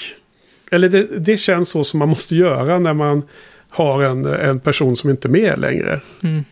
Eh, Och också på, som bara försvinner på kort varsel. Man hinner inte spela in en enda scen för att liksom väva ihop det. Ja, att han kanske var tveksam innan. Ja, Att, att han eh, kanske ville åka, hem eller ja, sådär. eller att transformationen sker Ja. när de tar ut uh, Shaggar-logot ur hans mun där. Mm. Att, att han, han vaknar upp ur det, att han är en annan person då, utan Nej, det var... Nej, men man skulle också kunna tänka sig att de går genom The Ways och så hade något hänt där inne i showen som gjorde att Matt blev eh, konstig och så när han kommer ut så är han den nya skådisen. Alltså man, man hade ju tänkt sig många sådana där bra överlämningstillfällen. Eller man har någon speciell eh, hård fight och så blir Matt jätteskadad. Och så ligger han och blir helad och sen är det den nya skådisen. Mm. Nu blir det så abrupt liksom. Det är bara så att han... Moraine och Land, de märker inte ens av att en av de här superviktiga, kanske Dragons, bara är inte med dem längre. Nej, precis. Vad fan är Matt någonstans? Ja, ah, jävlar, kom in. Alltså, det, det hade varit nice ifall han stod där med kniven. ja, exakt. ja. Liksom, det, det, den som reagerar är ju Rand, medan Moraine ser bara bister ut. Liksom, fan också, nu har jag förlorat en av dem. Mm.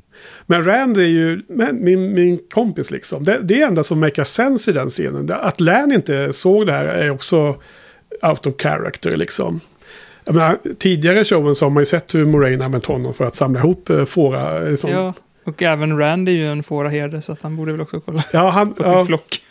Ja, ja, vilket fall som helst. Så det slutar alltså med att det här är antagligen sista gången vi ser Barney. Det är min tolkning och jag tycker det, det, det är fan otroligt synd alltså. Det är, det är fan mig helt jävla. Det är röva. Det är röven. Och det enda man kan glädja sig lite åt om man ska försöka balansera upp det lite är ju att nu är ju Matt på utsidan tillsammans med åtta hästar.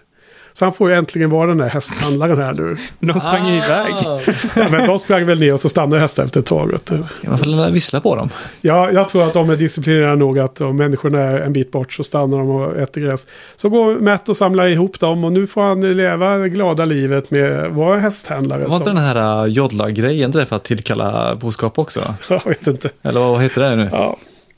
Vad du mer skulle kommentera? Det lite konstig grej att varför, varför inte hästarna kunde gå in i The Waste. Det var också en udda sak. Eh, liten skillnad från böckerna och det blir väldigt spännande att se vad... Därför så tror jag att de har gjort, eller man har redan sett att de har gjort The Ways annorlunda än hur det beskrivs i böckerna. Ja, men man har ju hört från Game of Thrones också att det är jävligt jobbigt att jobba med hästar. Ja, det kan vara det. Var det är ja. väl uh, djur och barn man inte gillar att jobba med i Hollywood. Ja. The worst kind of people. Ja. The worst kind of people. Barn. Men... Föl då kanske värsta då det. ja. Värsta av två världar. uh, men i alla fall, de öppnar, hon öppnar den här uh, dörren och sen går de in i Morias gruva då. Som man tänker. Mm. Analogin med Sagan om ringen. Då så vet jag inte om jag har lurat mig själv. Men jag tycker jag hör en antydan av uh, den musiken som är Lord of the Rings när de går in i Moria. Kolla det nästa gång ni ser den scenen. Jag kommer inte ihåg musiken. Ja, men det är så här trummor. Det är ja, just det. Omnius, så här, hotfulla trummor som senare kommer öka när, när, Bal, när Balrog och alla de Ja, just det. När Balrog vaknar upp. Ja. Dum, dum, dum, dum. Ja, men det, det, jag tyckte att det var någon liten antydan. Och sen glider det över till eh, Moraines theme. Som är den här musiken som är på vignetten. Ja, just det. Med den här tråden som går sönder. Mm. Man hör. Jag tyckte den passar ganska bra, hennes tema där. För det ja. är ingen liten så här läskig scen. Och den låten är ganska så här, lite... Spooky. Spooky, ja, ja. precis. Ja, jag, tycker det ska bli jättespännande att se vad de gör av The Ways. Eh, här verkar det vara massa olika konstiga stenformationer och det verkar blixtra där inne och det mullrade och sånt. Väldigt annorlunda än i böckerna. Så det ska vara superkul att se hur de implementerar det här. Och eh, eh, jag tror att de... Eh, ja, vi får se. Mm. Eh, men det var nog allt om scenerna. Är det någon mer kommentar om den här sista scenen? Uh, nej. Ja. Men då tar vi avslutar då och betyg. All right. Nu är det du Marcus. Ska jag börja? Ja.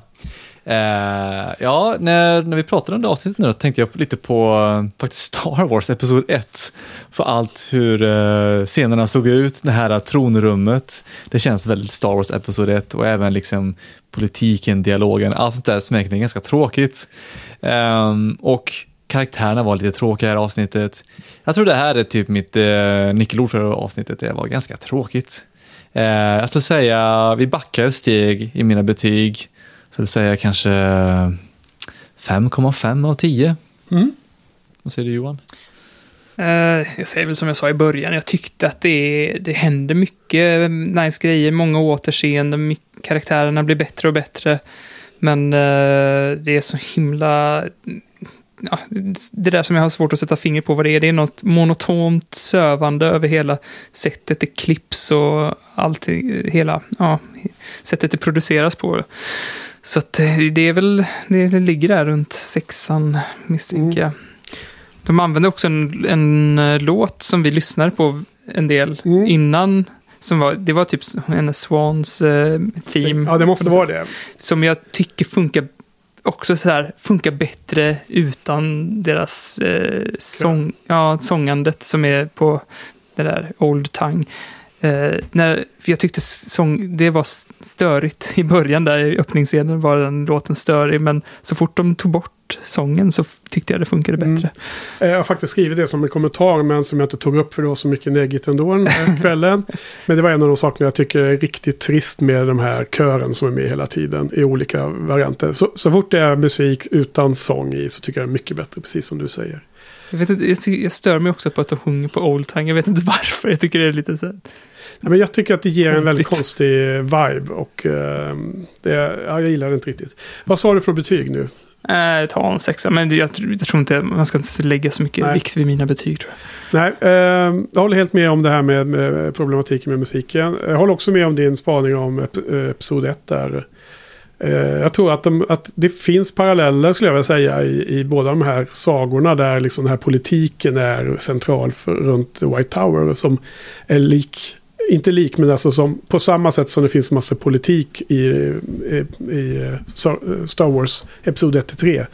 Eh, de är inte alls samma politik eller ens liknande, men att den, den aspekten är liksom en viktig sak som är med där. Det var ju det George Lucas ville visa med... Ja, visst. Med, eh, Folk ska rösta och... Ja det är Trade Federation, mm. hela varandra. storyn pausas upp och vi ska prata politik. Ja. Så att det var en bra spaning där och det är risk att man hamnar i det här också gissar jag om man inte gör det jävligt tajt implementerat.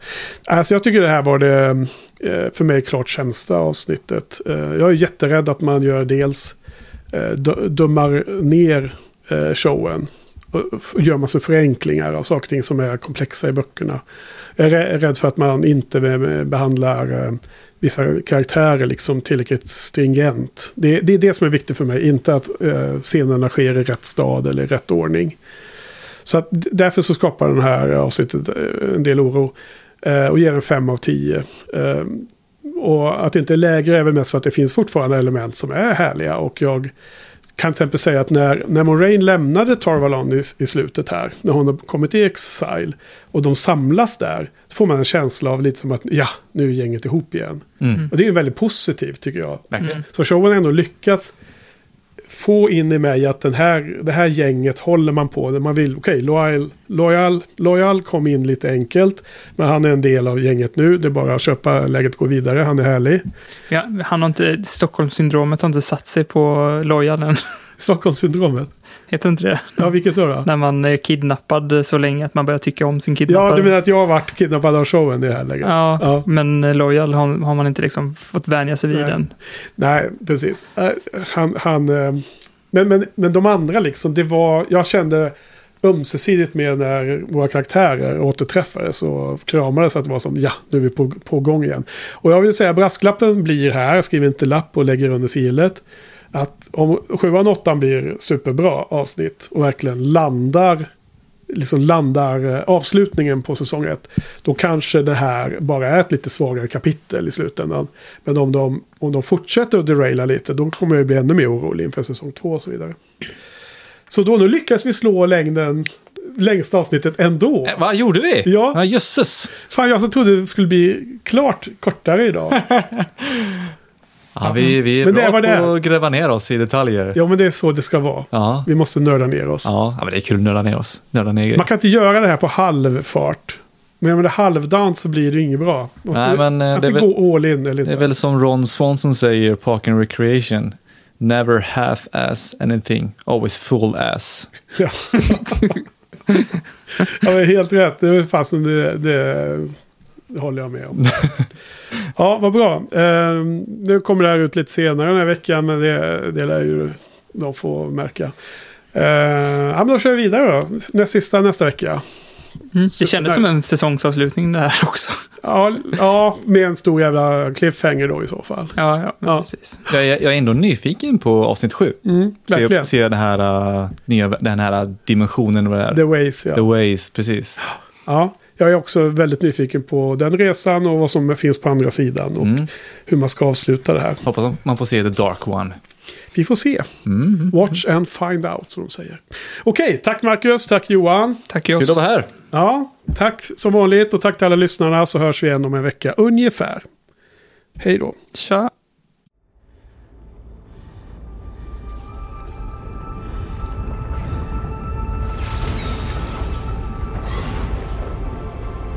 Is it too late to change my mind? There's no turning back. Whatever happens now is beyond our control.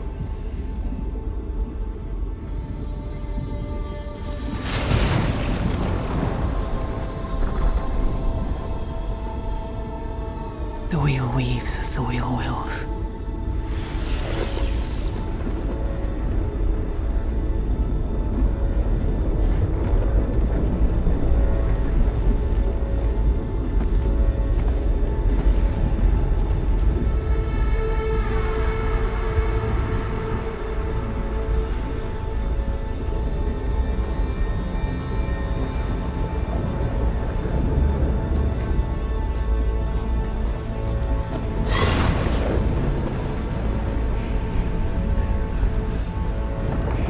Torches.